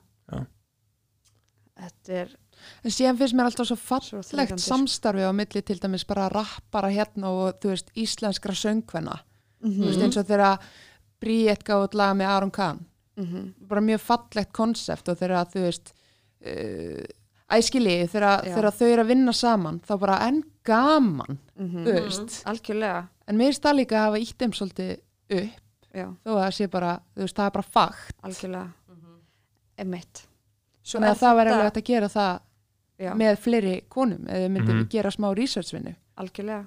Eru þau með einhver nöfn sem þau vilja shout out núna, þú veist? Á bara ein, ein, ein, ein, einhverjar einhver stelpur söngkonur. eða söngkunur, eða rappara Já. pródusera, hvað sem er veist, Ég, einmitt, ég hugsaði það hérna að ég er, ég er alltaf að leita sko. Já, ég hugsaði einmitt að, að, að, að, að náttúrulega fá okkur og þú veist, við erum ekki ekkert en svo eru óksla margar náttúrulega innan okkar sem eru með sólaverkefni í gangi akkurat þú veist, og það er Cyber og það er Ragga og það Caritas. er Sura og Caritas og, og þú veist, svo er Salka pródusera líka og hún er bara pródusera fyrir, þú veist, alls konar fólk Katrin Helga, hún er með alveg, þú veist, örugglega einhver tíu verkefni tónlistaverkefni steinun, amabadama þú þú veist. veist, ég held að það séu allar með sem í solo project sko ekki, Mhm. ekki þú, en, En þú er ert svo margt annað. annað Já. og Þórdís, þú ert svo margt annað já, En þú ert er, flott þú í veist, þessu A- A- Alvia, Íslandia. Countess Cell Cell Seven. 7 náttúrulega the Mhm. queen, sko legend, já, hún er guðmóðir okkar allara já, hún veit það reyndar, hún er kannski samþykir það ekki en við, við lítum á hana þannig. Uh, já, um eitt Malaise, hún er svo hún er geggjöð geggjuð, hún er mm. fucking nett vannmetin maður. Það Já. er bara, ógeðslega nett. Og svo eru fleiri þarna en maður bara einhver svona tínir því að því að fókuspunkturinn er alltaf einhver starf annars þar já. en það er einmitt þetta að þú veist og þú veist, og þetta er ekki eitthvað bara á þú veist, þetta er alls ekki bara strákurna, þetta er líka þú veist, á bara okkur öll. Bara gef, veist, þegar kemur að því með konur í listheiminum, maður þarf alltaf að gera þessa aðeins ekstra vinnu til þess að finna þú veist, fleiri konur. Veist, ekki bara fara alltaf í það sem mann dettur fyrst í hug. Mhm. að þú veist, og spyrjast fyrir og eitthvað. Og núna einmitt við, ég hef verið geðið til ég að gera pínu research en við mættum að því að ég er einmitt bara eitthvað, já, venjulega er ég alltaf með listan bara tilbúin bara, það er þessi gila, þessi gila, þessi gila, þessi gila. Nú er ég ekki búin að, er búin að vera bara eitthvað úti en hérna algjörlega, þú veist Já. og við, einmitt, vera saman í þessu og lifta lifta, lifta hvert Mhm. öðru eða sérstaklega þeim sem að hafa ekki þeim sem eins að minna að- mega sín ég ætla Mhm. ekki að segja það þeir sem eiga minn erfiðara með þú veist, Já. það sem röddin þeirra heyrist ekki eins og auðvitað einmitt, af því það er bara það er erfiðara fyrir konur mm -hmm. tölvöld erfiðara að meika í hverju sem er Mhm. á Íslandi og hvað var heiminum aftur sem að Björk sagði hann að allt sem að eitthvað, hvernig var þetta sem að kall maður sér einu sinni þarf kona að segja eitthvað fimm sinni með eitthvað það er ógslag góða punktur það er góð búndur sko Mhm. ég er góð búndur hérna uh, Mikael Tórason í Rauðaborðinu mm? var að tala um hérna kærlisbundu hattur Mhm. Já. uh, á konum á Íslandi algjörlega og hann var að tala um sko þarna, hvað hann, svona gaur sem að rífu kjaft skilur með stæla og aldrei svona, hvað hann fekk bara viðbjörnum bara já, skilur bara oh, loksins eitthvað sem stóra að segja eitthvað skilur og síðan komum bara þið og rífu kjaft og þá bara, hvað er það að fucking segja það er bara Það djöfelsins það væl þarf bara að ríða þeim að taka Þetta er sagt í kommentarkerfinu sko. já, Já, að já. það bara ríða þeim öllum almennilega. Við erum ekkert að mótmæla því, skilur uh, pass. Mm, Já, Nei, nei, þetta er bara alveg rétt og það er líka henni, einmitt eins og þú segir í miklu fleiri listgreinum heldur en þetta líka henni í leikhúsinu, skilur það er bara, og þú veist, öll, bara svona öll gömu leikrit og svona það er bara alltaf miklu meira plás fyrir kallmenn, það eru bara miklu fleiri hlutverk fyrir kallmenn, þú veist og það er bara svona kannski fyrst núna að breytast pínulítið. Algjörlega. Bara ógstlega erfitt að vera kona. Þetta er svo já, erfið ég trúi því sko. Ég mun aldrei skilja. Nei, en það er, þú veist, ég held að sé bara ógeðslega mikilvægt einmitt líka bara geta að tala um þetta svona að það þurfi ekki að fara alltaf bara eitthvað stál í stál eitthvað, einmitt, en ég, að þú ég, veist að það sé einhver árás eitthvað. Einmitt, að ég er svona að reyna að passa mig á því að taka villið ykkur skilju og ekki bara tala um að þessi konur skilju Mhm. eða að þessi hátæðar eða þú veist, hvern, hvern, hvernig er það hvernig stend ég við því Já. Við erum náttúrulega eiginlega bara búin að tala Við um erum bara búin að tala um það, tvennt. skilurðu. En nú getum við fara að tala um það Já. mér finnst Já. það bara áhugavert, skilur það þarf En að þú pæla í því. en fi- finnst ykkur ekki pyrrandi að þessi bara spurðar um þetta? Jú, en þú veist, mér finnst það mjög gaman. Já, en svo núna þá langar mig að fara að tala um eitthvað annað. Einmitt. Tölum við um að hvernig var að byrja að rappa, hvað var að hlusta Já, við vorum litlar. Bara og hvað, kannski ég segi bara þú veist, fara bara svona uppgötun á ferli þú veist, það var alltaf verið að hlusta á rappa Ég hef alltaf hlustað mjög mikið á rap og ég á tvo eldri bræður þannig að ég hlustaði bara á, á hip-hop uh, en ekki Spice Girls til dæmis. Ég tengi ekkert við Spice Girls ást fólks. what? Í alveg nei, ég, bara, ég var bara alltaf að hlusta á Tupac og eitthvað. Ok, nett Vissur það ekki það? Jú, ég bara vissi ekki að það hefði verið bara alls ekki Spice Girls Já, ég bara þóldi ekki Spice Girls og vildi bara hlusta á hana grjótarðarappara. Þess vegna er ég svona töff. Já, hérna, Það þannig að þú veist, það er bara það er mitt uppeldi, skilur og ég held að sé, ég held að sé mjög misjaft innan hljómsveitarinnar hverjir, eða þú veist, er það Já, ekki? jú, algjörlega. Ég, já. Ég, En ég ætla aldrei að verða rappari samt, sko, þú veist, Nei. það var bara og þú veist, og hefði ekki séð fyrir mér að það væri, þú veist, vettvangu fyrir það fyrir en að hérna rappkonu kvöldin byrjuðu og ég er svona, ok, þú veist, það er þetta að prófa eitthvað hér, skilur en svo finnst mér þetta miklu skemmtilega að syngja heldur en að rappa. Já uh, Raka, já vinur minn Bjössi, við þekkjum hann allar, hann hefur búið í tónlist fyrir okkur. Hann kynnti mig fyrir rappið sko þegar ég var í svona sjöndabekk þá hérna, hann er frændi kíló. Og þeir settu mig elska alveg Já, þeir settu mig alveg inn í, í rappheimin og þá var þetta sko, þú veist, eh, 3-6 Mafia, Tupac, Biggie, uh, Exhibit, uh, þú veist, þessir gaurar. Mm og svo náttúrulega Missy Elliot og þá var ég bara, já, ok, og þú veist, Eve og allt þetta, þá ykkur dag ég einhvern veginn rapp og það var ekkert aftur snúið, sko, tók smá svona, svona háskólarokks tímabil, mm. en svo er bara, já, nei, rapp, rapp er málið. og Já. já, einmitt og Lauren Hill líka, Já, Lauren Já. Hill. Fugees Mm. Hún, var, hún var 23 ára þegar hún gaf Miss Education Aha, 23 ára, pæli grótörð Já, var hún ekki í fangelsi? Var hún ekki í fangelsi? Ég er ekki Nei, manni Ég- skemmt ég held- ég- hún sé ekki alveg ég veit það ekki sko, ég veit bara hún eignaði sem það bann sko, var í Fugees bara eitthvað 19 ára skilju, en þú, Steini? Uh, ég sko er daldið átvona át í þessari hljómsveit þegar kemur, Mm. það sem ég dyrka mest það er rosa mikið sko þetta orkan og hérna attitúti, ég samt finnst tónlist ég fíla tónlist, tónlist. mér finnst Mhm. tónlist næs. Já, fíla tónlist. Já. en sko þú veist, þegar kemur að því eitthvað svona með rap, þú veist, ég er ekki eitthvað svona geggjaður hérna uh, þú veist, eitt mjög gott dæmi um það, ég heyri eiginlega ekki texta þú veist, þegar ég hlusta á lög þá heyri ég ekki texta ég veit, það þarf að reyka mig úr þessari hljómsveit. En hérna en uh, en ég hef samt sko þannig að ég er miklu meira pæli sko svona þú veist væpi og einhvern veginn uh, já Ég var- orku. Ég var líka Ég- rosalega mikið, þú veist, R&B main. Mm. Og til dæmis eins og solo-projekti mitt, þetta er ekkit grjóthörð rap-plata, nei, alveg langt í frá, sko. Mm.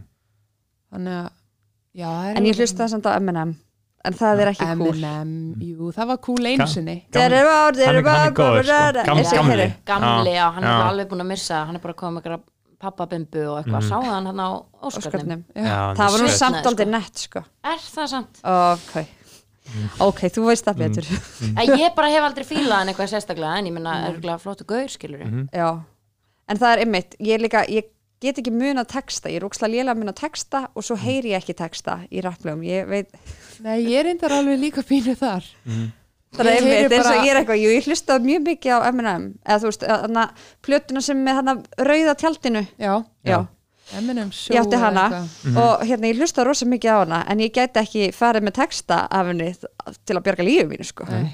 en ég get, ég get gert svona þú veist, með svona bull, þú veist, eitthvað svona Þetta er bara, þetta er bara, bara, ég bara, na, go, go! Grjótari. En sko, en það er einmitt, það kemur, þú veist, inn í þetta að við erum með hljómsveitu, ég hef alveg oft talað um þetta við stelpunar þú veist, þetta að þegar við erum að semja þú veist, ég er bara eitthvað stelpur. Þetta er er ekki hagur- mitt forti þetta er, það er hagur okkur allra að ég kom ekki nála því að semja þessa texta en þú veist, að því að það er svo eru þær þarna sem eru bara eitthvað trilltar í því, skilur við Mhm. svo Ragga og, og Blær og Salka og hérna uh, Steinun og já, ok, basically allar, Allar nema nema ég.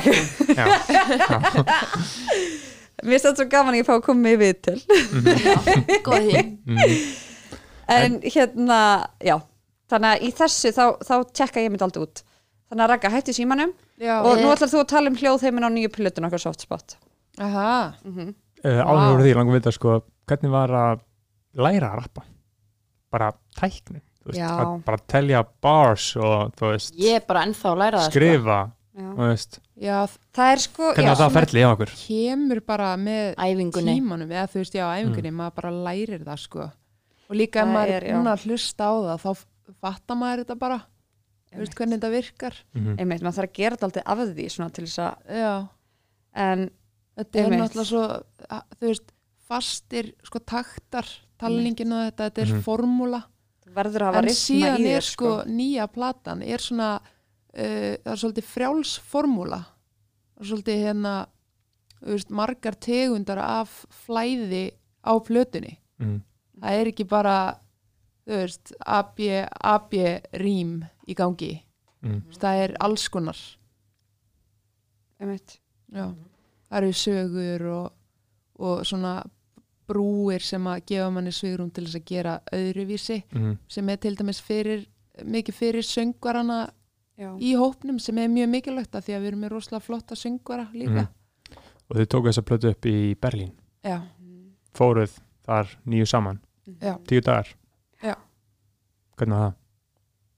æði Já. það er bara eitt orð Mhm. æði Það var svo gaman það var ógeðslega mikil vinna, við þurftum að gera eitt lag á dag og eiginlega við bara vorum alltaf búin að semja áður en við fórum já, við út búin að semja svona mest allavega töluvert sko svo svona eitt og eitt lag sem við þurftum að já. þú veist, þetta, klá þetta var rosa þétt hvernig var þetta? þetta var í apríl í fyrra Afril fyrra þannig að það er búið að fara rosalega mikil vinna og, og vandvirkni Já. Í þessa dálítið, já, ólíkt því sem við gerðum áður af því að þá vorum við rosa mikið bara koma eitthvað lag, bara, að þetta er ekki að gefa þetta út já, og þú veist, það var allt, við vorum alltaf að gera allt á, hérna allt þurfti að gerast núna, fengum hugmynd og þurfti að executa já, það vorum strax ekki að reyt skoða okkur mikið Nei. Mhm. sem er gott líka bara já, sem var frábært fyrir þann tíma en svo núna, þú veist, þá fengum við þetta hei, við ætlum að gera plötu við ætlum að, þú veist, við varum að vanda okkur aðeins Já. meira Já. við ætlum að vanda okkur við ætlum að, þú veist, einmitt leggja, leggja basically mikla vinnu í hana Mhm. fengum, þú veist pældum mikið í artworkinu pældum mikið í, bara já Eh, það sést mjög vel sko að svona unnið vel í kringum þetta uh, artworkið og svona visual heimurinn og já, Já, þetta er bara meira konsept já, gá, gá tónlistmyndband með og podcasti með líka Mhm. sem ég var einmitt að uh, tala við Steini um það fyrir um, bara frábært sko Mhm. og ég, ég er bara svona inspired af því hvað þetta var vel mixað og skýrt allt Mhm. Svo erfitt Hvað- að gera þetta podcast alltaf ennsku Já, hvernig var það hérna? ég bara, Það var svo rækjulegt sko Ég veit það ekki En það var samt, það er mjög flott podcast og, og. Salka náttúrulega kannski stóð svolítið mikið fyrir því og hérna, það var ótrúlega flott sko Mhm. og einmitt, að reyna að hugsa einmitt, eins og einmitt, að, í kringum þessa blötu, bara setja allt í, bara setja allan fókusin þar og bara Já. allir Hvernig er það gert? Þetta er heilmikið vinna Mhm. vefsíða sett upp og allt brandningið og allt í kringum þetta hver, hver, hvernig skiptið það á milli ykkar? Er ekkert pyrrandi að einhver einingar þurfi eitthvað að Nei, taka við, þetta á sig? við eða? erum náttúrulega komið með frábært teimi í þetta já, í sumt, Já. þú veist, við skiptum mörg á mill okkar, Mhm. en svo líka erum við hjálpað, þú veist, erum með uh, umbóðsmann hann Með- Rasmus sjátt á Rasmus, hann er danskur og flottur Hann heitir í alvörni Rasmus Já. já, Svo erum við náttúrulega með, þú veist, hérna, í raun og veru uh, stelpu sem að sér um alla grafík. Við komum með hugmyndina og hún er að setja hana á blað Mhm. og hérna flotta, flotta ljósmyndara í kringum okkur. mm Uh, Sunna Ben tók myndir Já. og Fengum, fengum, Eirún fengum grunnina heimasíðunni og svo höldum við henni náttúrulega bara við. Mhm. Og, og erum svo eru verkefnin alltaf innan hljómsveiturinnar þú veist, við erum að ég og Ragga sjáum um samfélagsmiðla og svo er Þura er alltaf búin að vera mörds konan okkar og þú veist Mhm. þetta búin að taka við núna Já, ég er búin að taka við. þú veist, það er alltaf eitthvað, þú veist, við, svona, við skiptum sem við vel á milli Já, ég sem heima síðana já, ég setti hana Twitter. upp sko bara ég vil halda því til haga, þetta er ekki grunnur frá Bjösa sko. Það er svoleiðis, er þetta ný? Mhm. Ok, þetta er ný. Vel gert. Og síðan er, þú mjög stolt af þessar heima þetta er mjög flott heimasíða. rfkdtr.com, allir að tekka Og síðan er, þú veist, Steinun og Blær setja svolítið upp sjóin. Og, ég, síðan, Stein gerir kóreografi og Steini, Steini, þú ert bara... ég gerir sjóin Þú gerir sjóin. já, Ok, við þurfum aðeins að fara í gegnum þetta alla saman á einhverjum fundi. Steinun hún sér um fjármálinn hjá okkur eða þú veist er yfir hérna að tjekka á hvernig staðan á fjármálunum eru og eru með fyrirtæki það? Reykjavík dætur, Mhm. SF við þurfum samt að fara að breyta því EHF bara svona það fyrir podcast hlustundur Já. því að þeir vilja Já. vita hver Já. staðan er Já. á því Já, það, blær sér um innanlands hérna, þú veist umfjöllun og Já. gig Mhm. uh, Caritas sér um að alltaf að skrá í hérna stef, þú veist, þegar við erum búin að spila á einhverjum hljóm tónleikum þetta er náttúrulega rosalega mörg verkefni og já, það er lett að hafa svona marga stelpur til þess að sinna hverju hlutverki fyrir sig. bara vel reikið fyrirtæki. Nákvæmlega. segja. Mhm. og svo aftur bara sjáta á Asana sko, appið. Aðeinslega dapp Við kenni, ég opnaði sko Asana á hann. og Ekki Já, ég fæ alltaf kvíðakast er ég opna þetta app sko.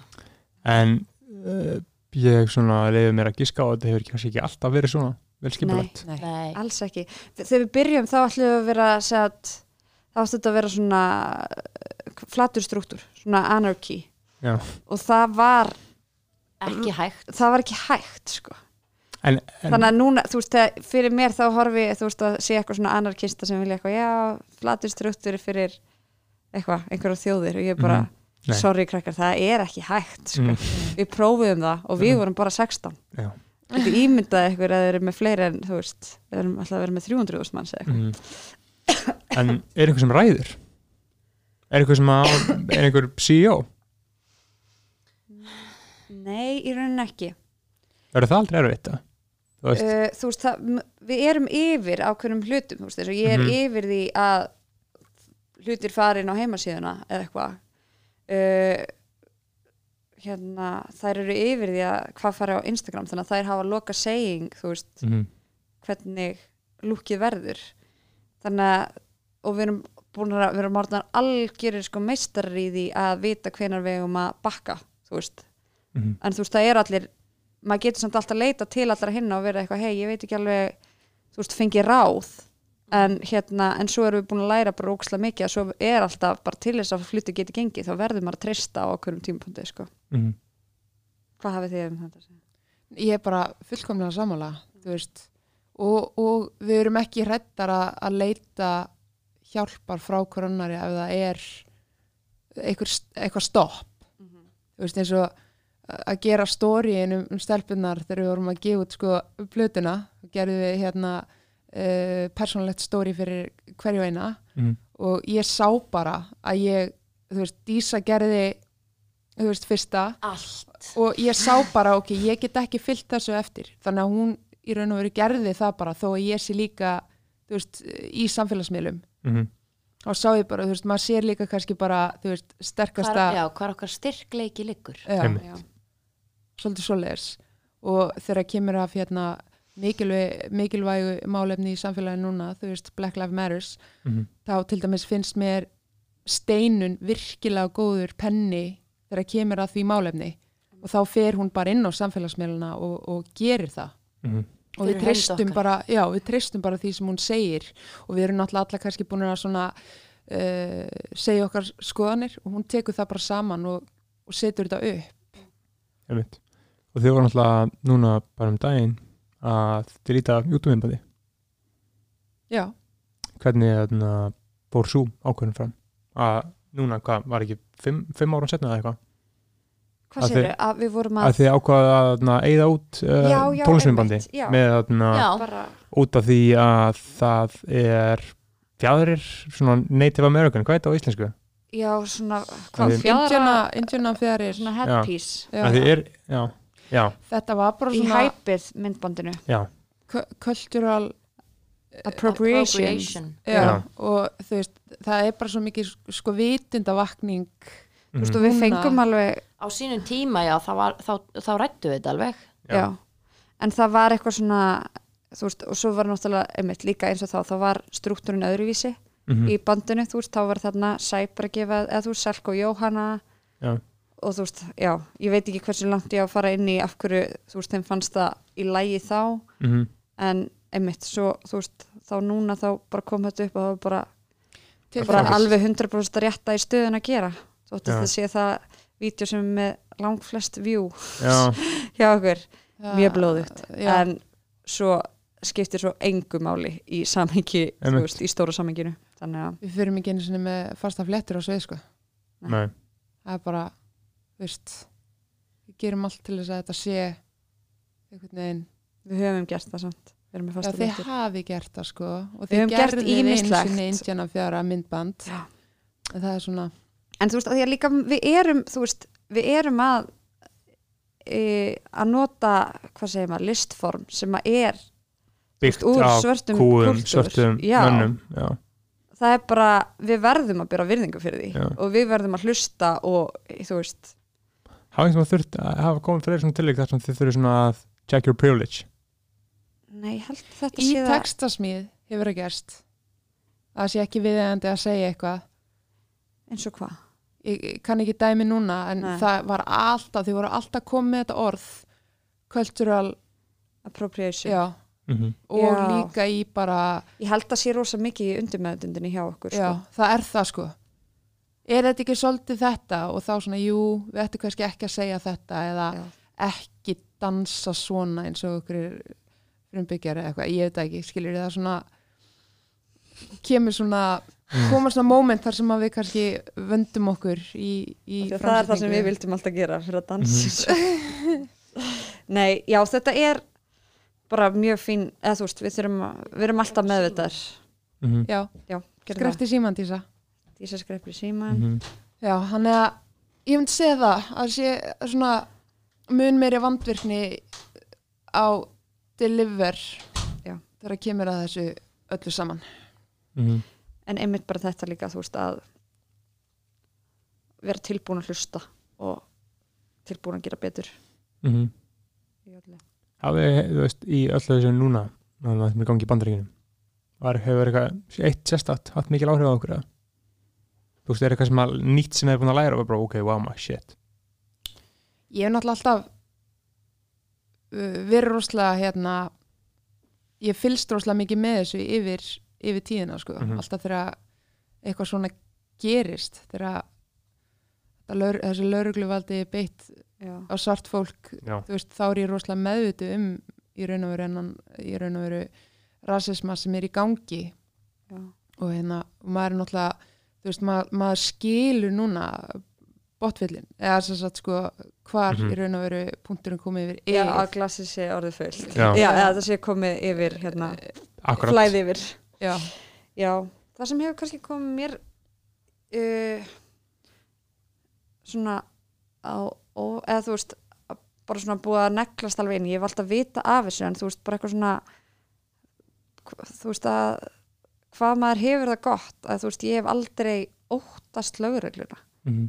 en þú veist það er bara alið upp það þarf að ala það upp í börnum af öðrum lit eins og það núti bara Mhm. þegar lögreglun kemur þá þarf þú að gera svona og, durur, og þú veist og maður bara svona vá, ég get ekki haft ég get ekki haft vitneski um hvernig þeim líður þú veist að sá, þú veist lögreglan sem fyrir okkur er bara eitthvað, já ef allt fyrir fokk þá alltaf verður hægt að ringi lögregluna. Mhm. en einmitt. það er ekki möguleiki fyrir þau.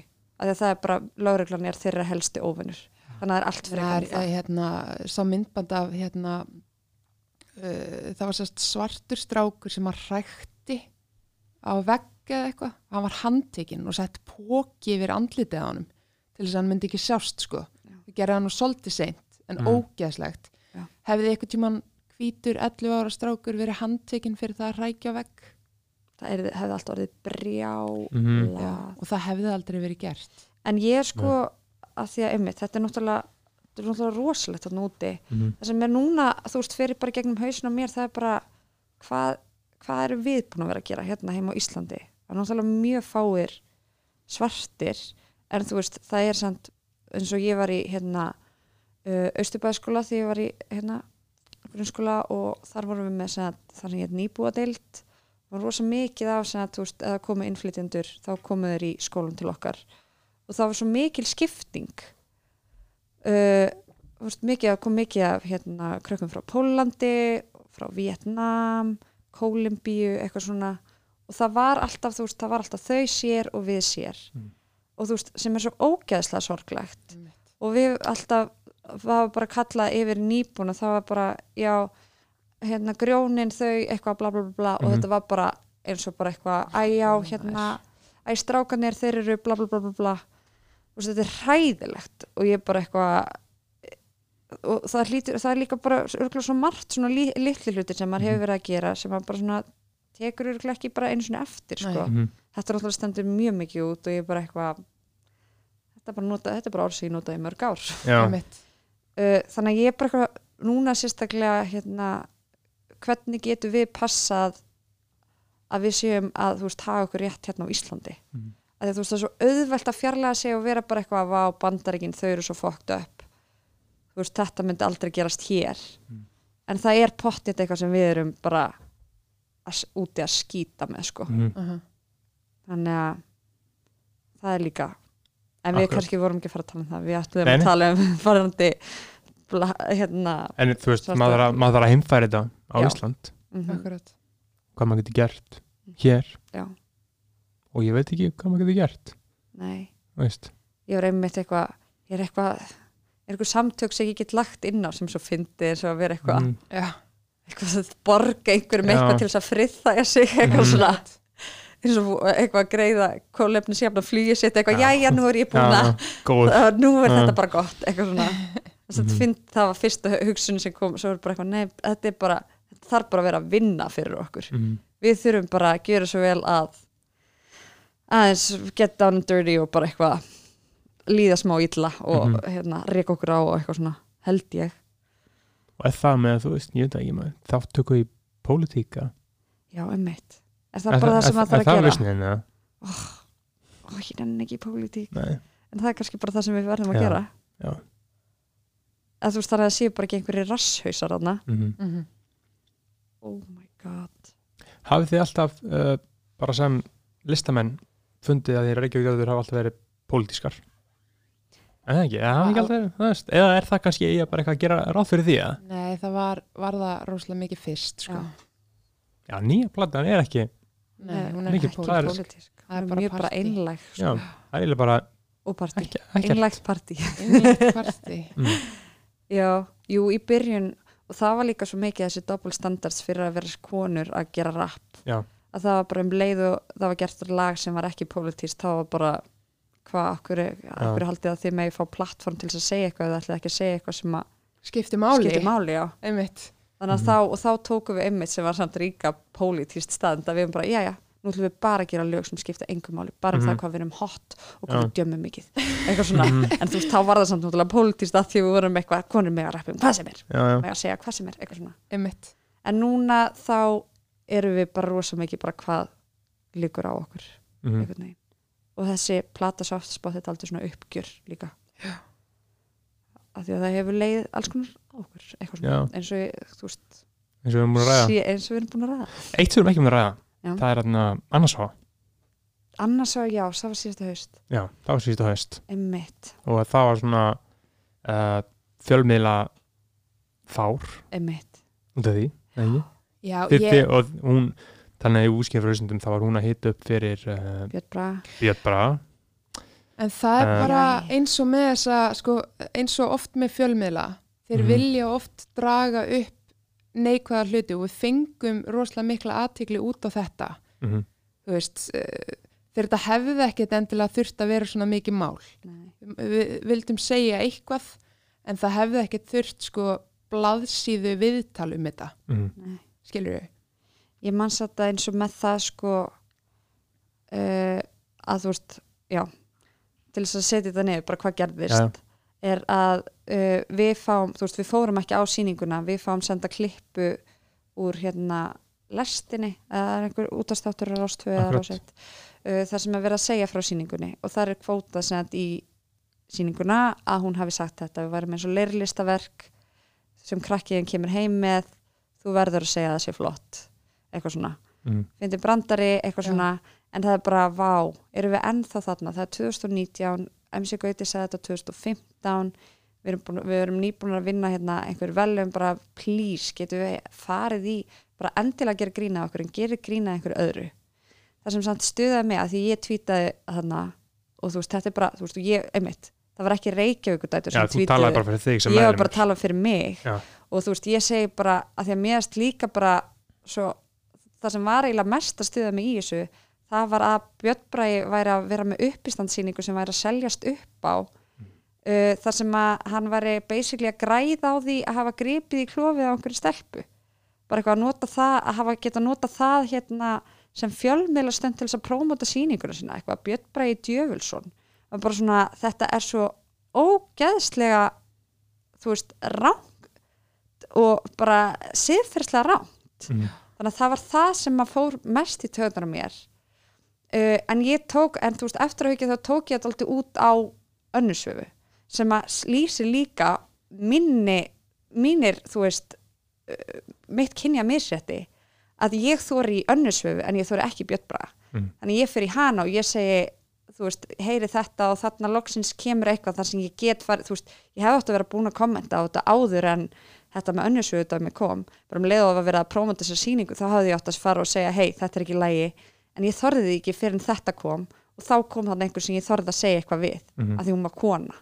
Það, En upp, ekki- upp, já. upplifar þannig bara, eftir á, núna því ég kom með fjarlag þá, þá upplýði það þannig. Ok, og núna upp, eftir á þá er ég bara ég hefði bara átt að hafa samband við hana og hún er líka búin að segja það bara eitthvað hei þið hefði bara átt að heyri í mér og þú veist ég hef bara breytt þessu gríni skilur mhm, en hérna þannig að það er grunnurinn en það sem varð samt veist, en svo líka óháð því þú veist, þetta var af hverju það fauk allavega í mig mhm, það sem var samt, er samt líka pyrrandi þetta er líka bara ógislega ódýrt grín mhm.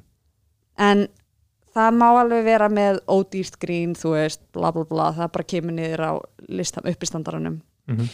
Ég til dæmis hérna uh, Saga Garðars var ekkert tíma með grín á hvort það hefði ekki bara verið eddan mm -hmm. og hún var að sko telja upp hvað 30 sekundur væri í raun og verið langur tími.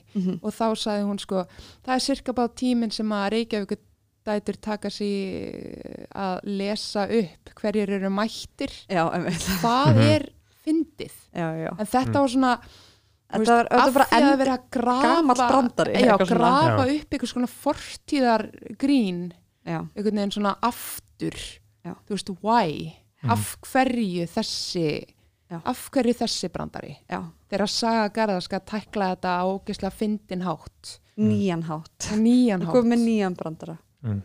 en já, eftir að hyggja þú veist þá, já, eins og ég segi uh, allavega út frá mér þá uh, þá fauk í mér út af Binni Braga. Já. uh, og ég hef ekki sagt þetta frá sáður, ég er bara Mm. nýbúin að uppgöta þetta en hérna, en einmitt. Eins og Raka segir bara jæja. Endilega gerir Mm. grín á okkur. Við ger, veist, gerum held ég mest grín á okkur sjálfar sko. og svo kom líka sko eins og við erum að tala um fyrirsagnir. Bara við erum örgulega hataðast að hljómsita Íslandi. Veist, það var dreigið út úr öllu sem að við töluðum um. Mm -hmm.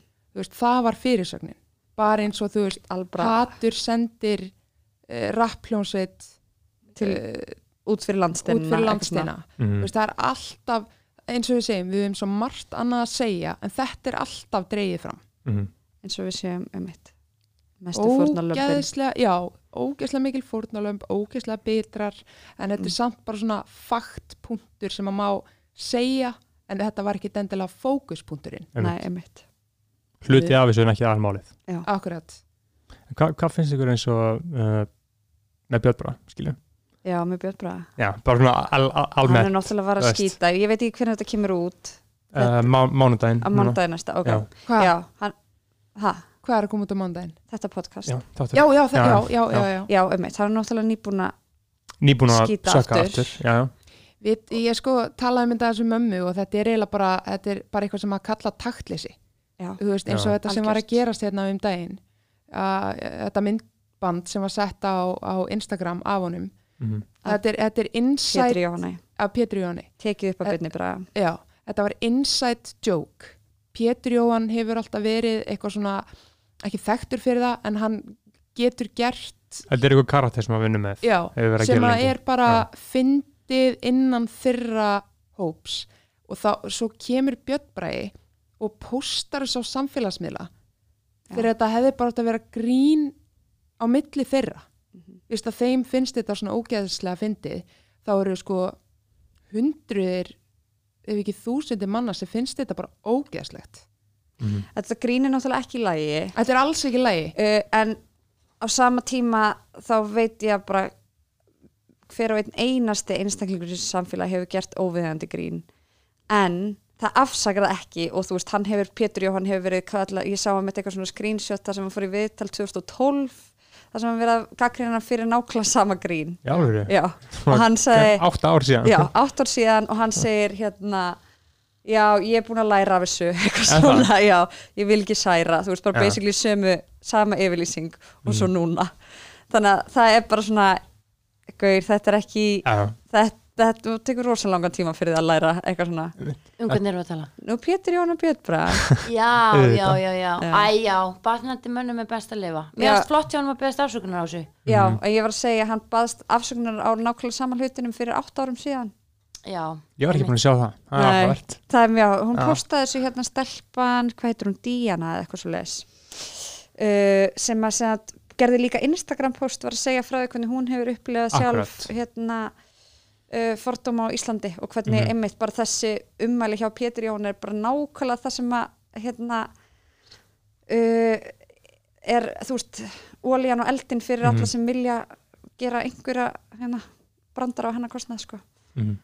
en hérna en einmitt, en svo að einmitt að posta þessu og setja þetta á samfélagsmiðla og sjá ekki hvað það er ah, já þetta er, Björn Breið þarf að fara núna í einhverja rosalega naflaskoðun Já, og eh, þú veist kannski bara, já, nei ok, ég ætla bara að segja það mm. og búið, uh, ég geti fara að tala svo miklu meira um þetta einmitt, hérna, já, þannig förum við svona kannski að benda enda á það okkur, Mhm. smátt og smátt. Mhm. Uh, hver er framtíðin? Hvernig, ætla að fara, hver er framtíðin Reykjavík dætra? Ætla að halda uh, áfram að herja á erlenda markað? Já, já Nei ekki, jú hvernig? okkur, það er daldið hérna, skemmtilegt núna í sumar eða skemmtilegt, nei, mjög leðilegt að við vorum með bókað, þú veist, sumarið svo náttúrulega er COVID, þannig að við Auðvitað. erum ekki fara neitt út uh, Mikill skellur já, daldið leðilegt og við erum ymmit alveg bara, Mörg, mörg festival út eða? já, það voru alveg ég man ekki hvað voru mörg áttum líka að fara hérna London túr hérna í byrjun mæ voru en aðalega þá áttum við sko að fara á túr í haust. Þú veist þannig í fyrsta skipti þannig sem við myndum fara sjálfar Ok, bara að bara- túra. Ev Evróputúra já, með plötuna sko. E, þannig að en það er Í náttúrulega ekki seinkar að gera aðeins. Nei. En þannig að við ætlum að fara að gera aðra plötu þá í staðin mm og við erum að pælja að gera henda kannski í eina tónleika fyrsta að því að við erum bara við erum að farast sko. Eða ég allavega. Er þið ekki líka? Jú, gjörsamlega sko. Ég var alveg, það var gaman að taka allavega eina svona kannski uh, útgáfi tónleika Já, -hmm. á Íslandi Mhm. það má já. Það er Boðið. Já, Mhm. ég mæti Já. og þetta mun breyta lífiðinu næst þegar spyrir þá myndu mun eftir þessum Já. tónleikum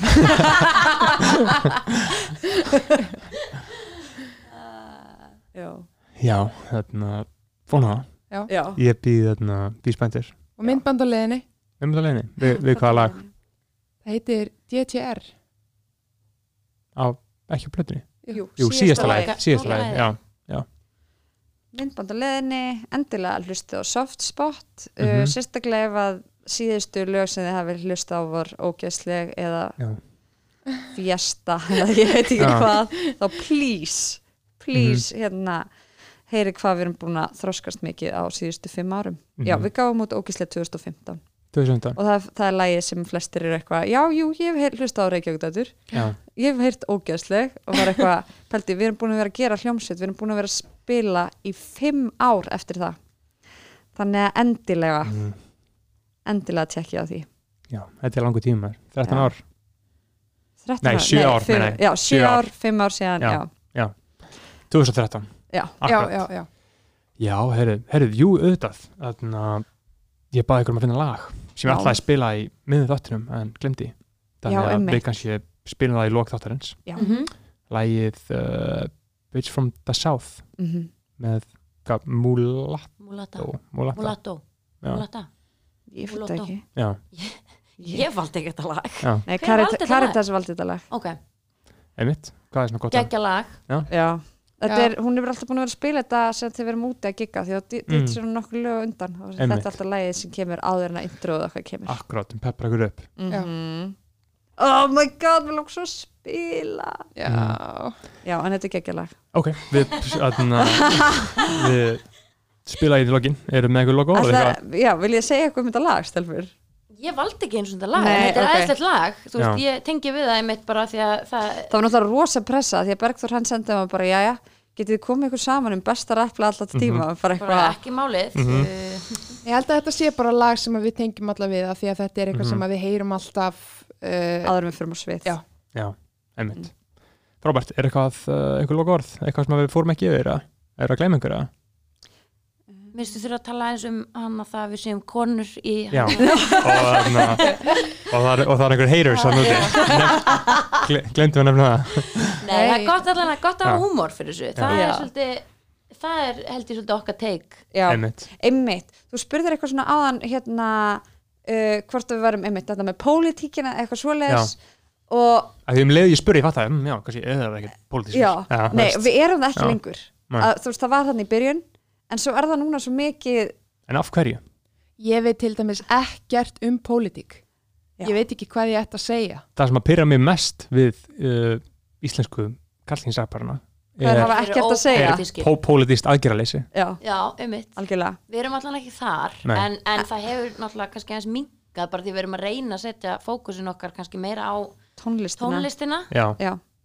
þannig að það er, þú veist, en svo er það bara eins og þú veist, það er sagt, alltaf sagt bara feminist, hip-hop, female, bla bla bla, band. Að bara með því að vera til þá erum við pólitískar.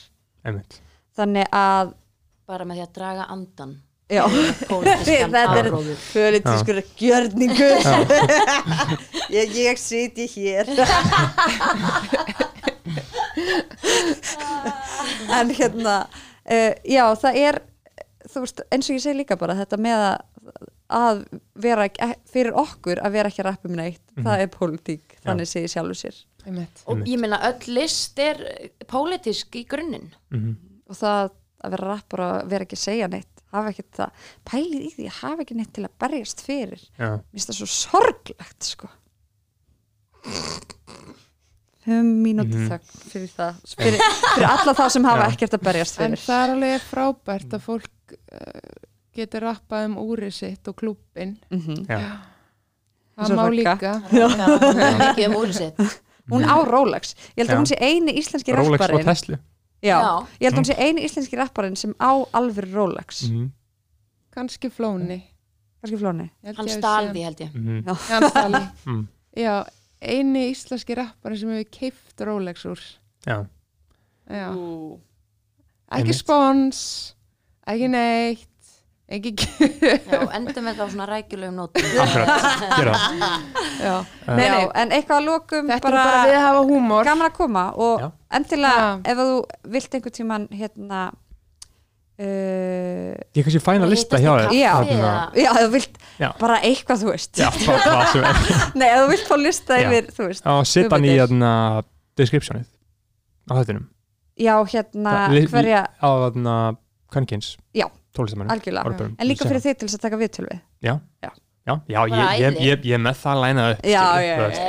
Er- hann er alveg woke. já, já, já, já, já, hann já. myndi bara byrja því að taka átta kallkynsrappara svona til að hýta upp þegar svo koma Já. síðan 16 konur í Já. röð já, já. Þeir, voru tíu sko Það voru tíu ekki, ekki hellana við höfum verið höttuðustu rappar í heimi segðu frekar Ragga Holm og Rolex Já, og Tesla. Rolex og Tesla En sko, verður að koma bæði. greinin mun vera skrifuð ekki að mér Þannig að, veist, hver skrifa greinina? eða þú veist, ef um, uh, starfsmenn útvarsundur og einn hafa verið að vinna með það. Ég það er gott að þetta kom allt fram í podcastinu. Já, það, það er fínt að ég, kanns, kannski kemur ykkur fyrirsögn sem að, þú veist, ég er svona, úff, aðja, eða þá get ég fyrir mig ábyrð, skilji. Já, já, að it geta fyrir maður það er Það it, er- okkur er alveg sama. Skrifa Það er það sem ég vilji. Ég er búin að vera í stjórnun allan tíman meðan þetta viðtal hefur verið í gangi. Já. þannig að ég ber enga ábyrð á því sem ég hef sagt. Ötti blöður Auddi hérna í blöður eigunum á einhvers mér. Hann er að mér í herbygginu. Herri, það er bara Já. bara Þetta var bara- að fá okkur, þetta var mjög Frábært viðtal. Gaman að, svo skemmtilegt, þetta var svona minni árensla fyrir mig að þið fyrir þrjár, skilji. Já, já, já. Stundum er það svona, konur líka einmitt. Stundum er það vesinn að þau eru haldið í samræðinu við einhvern einn, veist- konur herru, þarna, fleiri konur, fleiri fólk, uh, Já, við bara höldum áfram með þetta. já, Takk hjá fyrir þetta. takk Þú ert að hlusta á kraftbyrtingar hljóm Guðdónsins. Ég heiti Bergþór Másson. Þessi þáttur er í bóði Júsú, hambúrgarstæður, veislistæður, besti veganborgar á Íslandi. Uh, þú getur farið þangað á hverfiskötu 40 og 4. Kraftbyrtingar hljómur Guðdónsins og Júsú uh, hefði eina sanna samstarf. Tjekkja á því, hverfiskata 40 og 4. Hambúrgarstæðurinn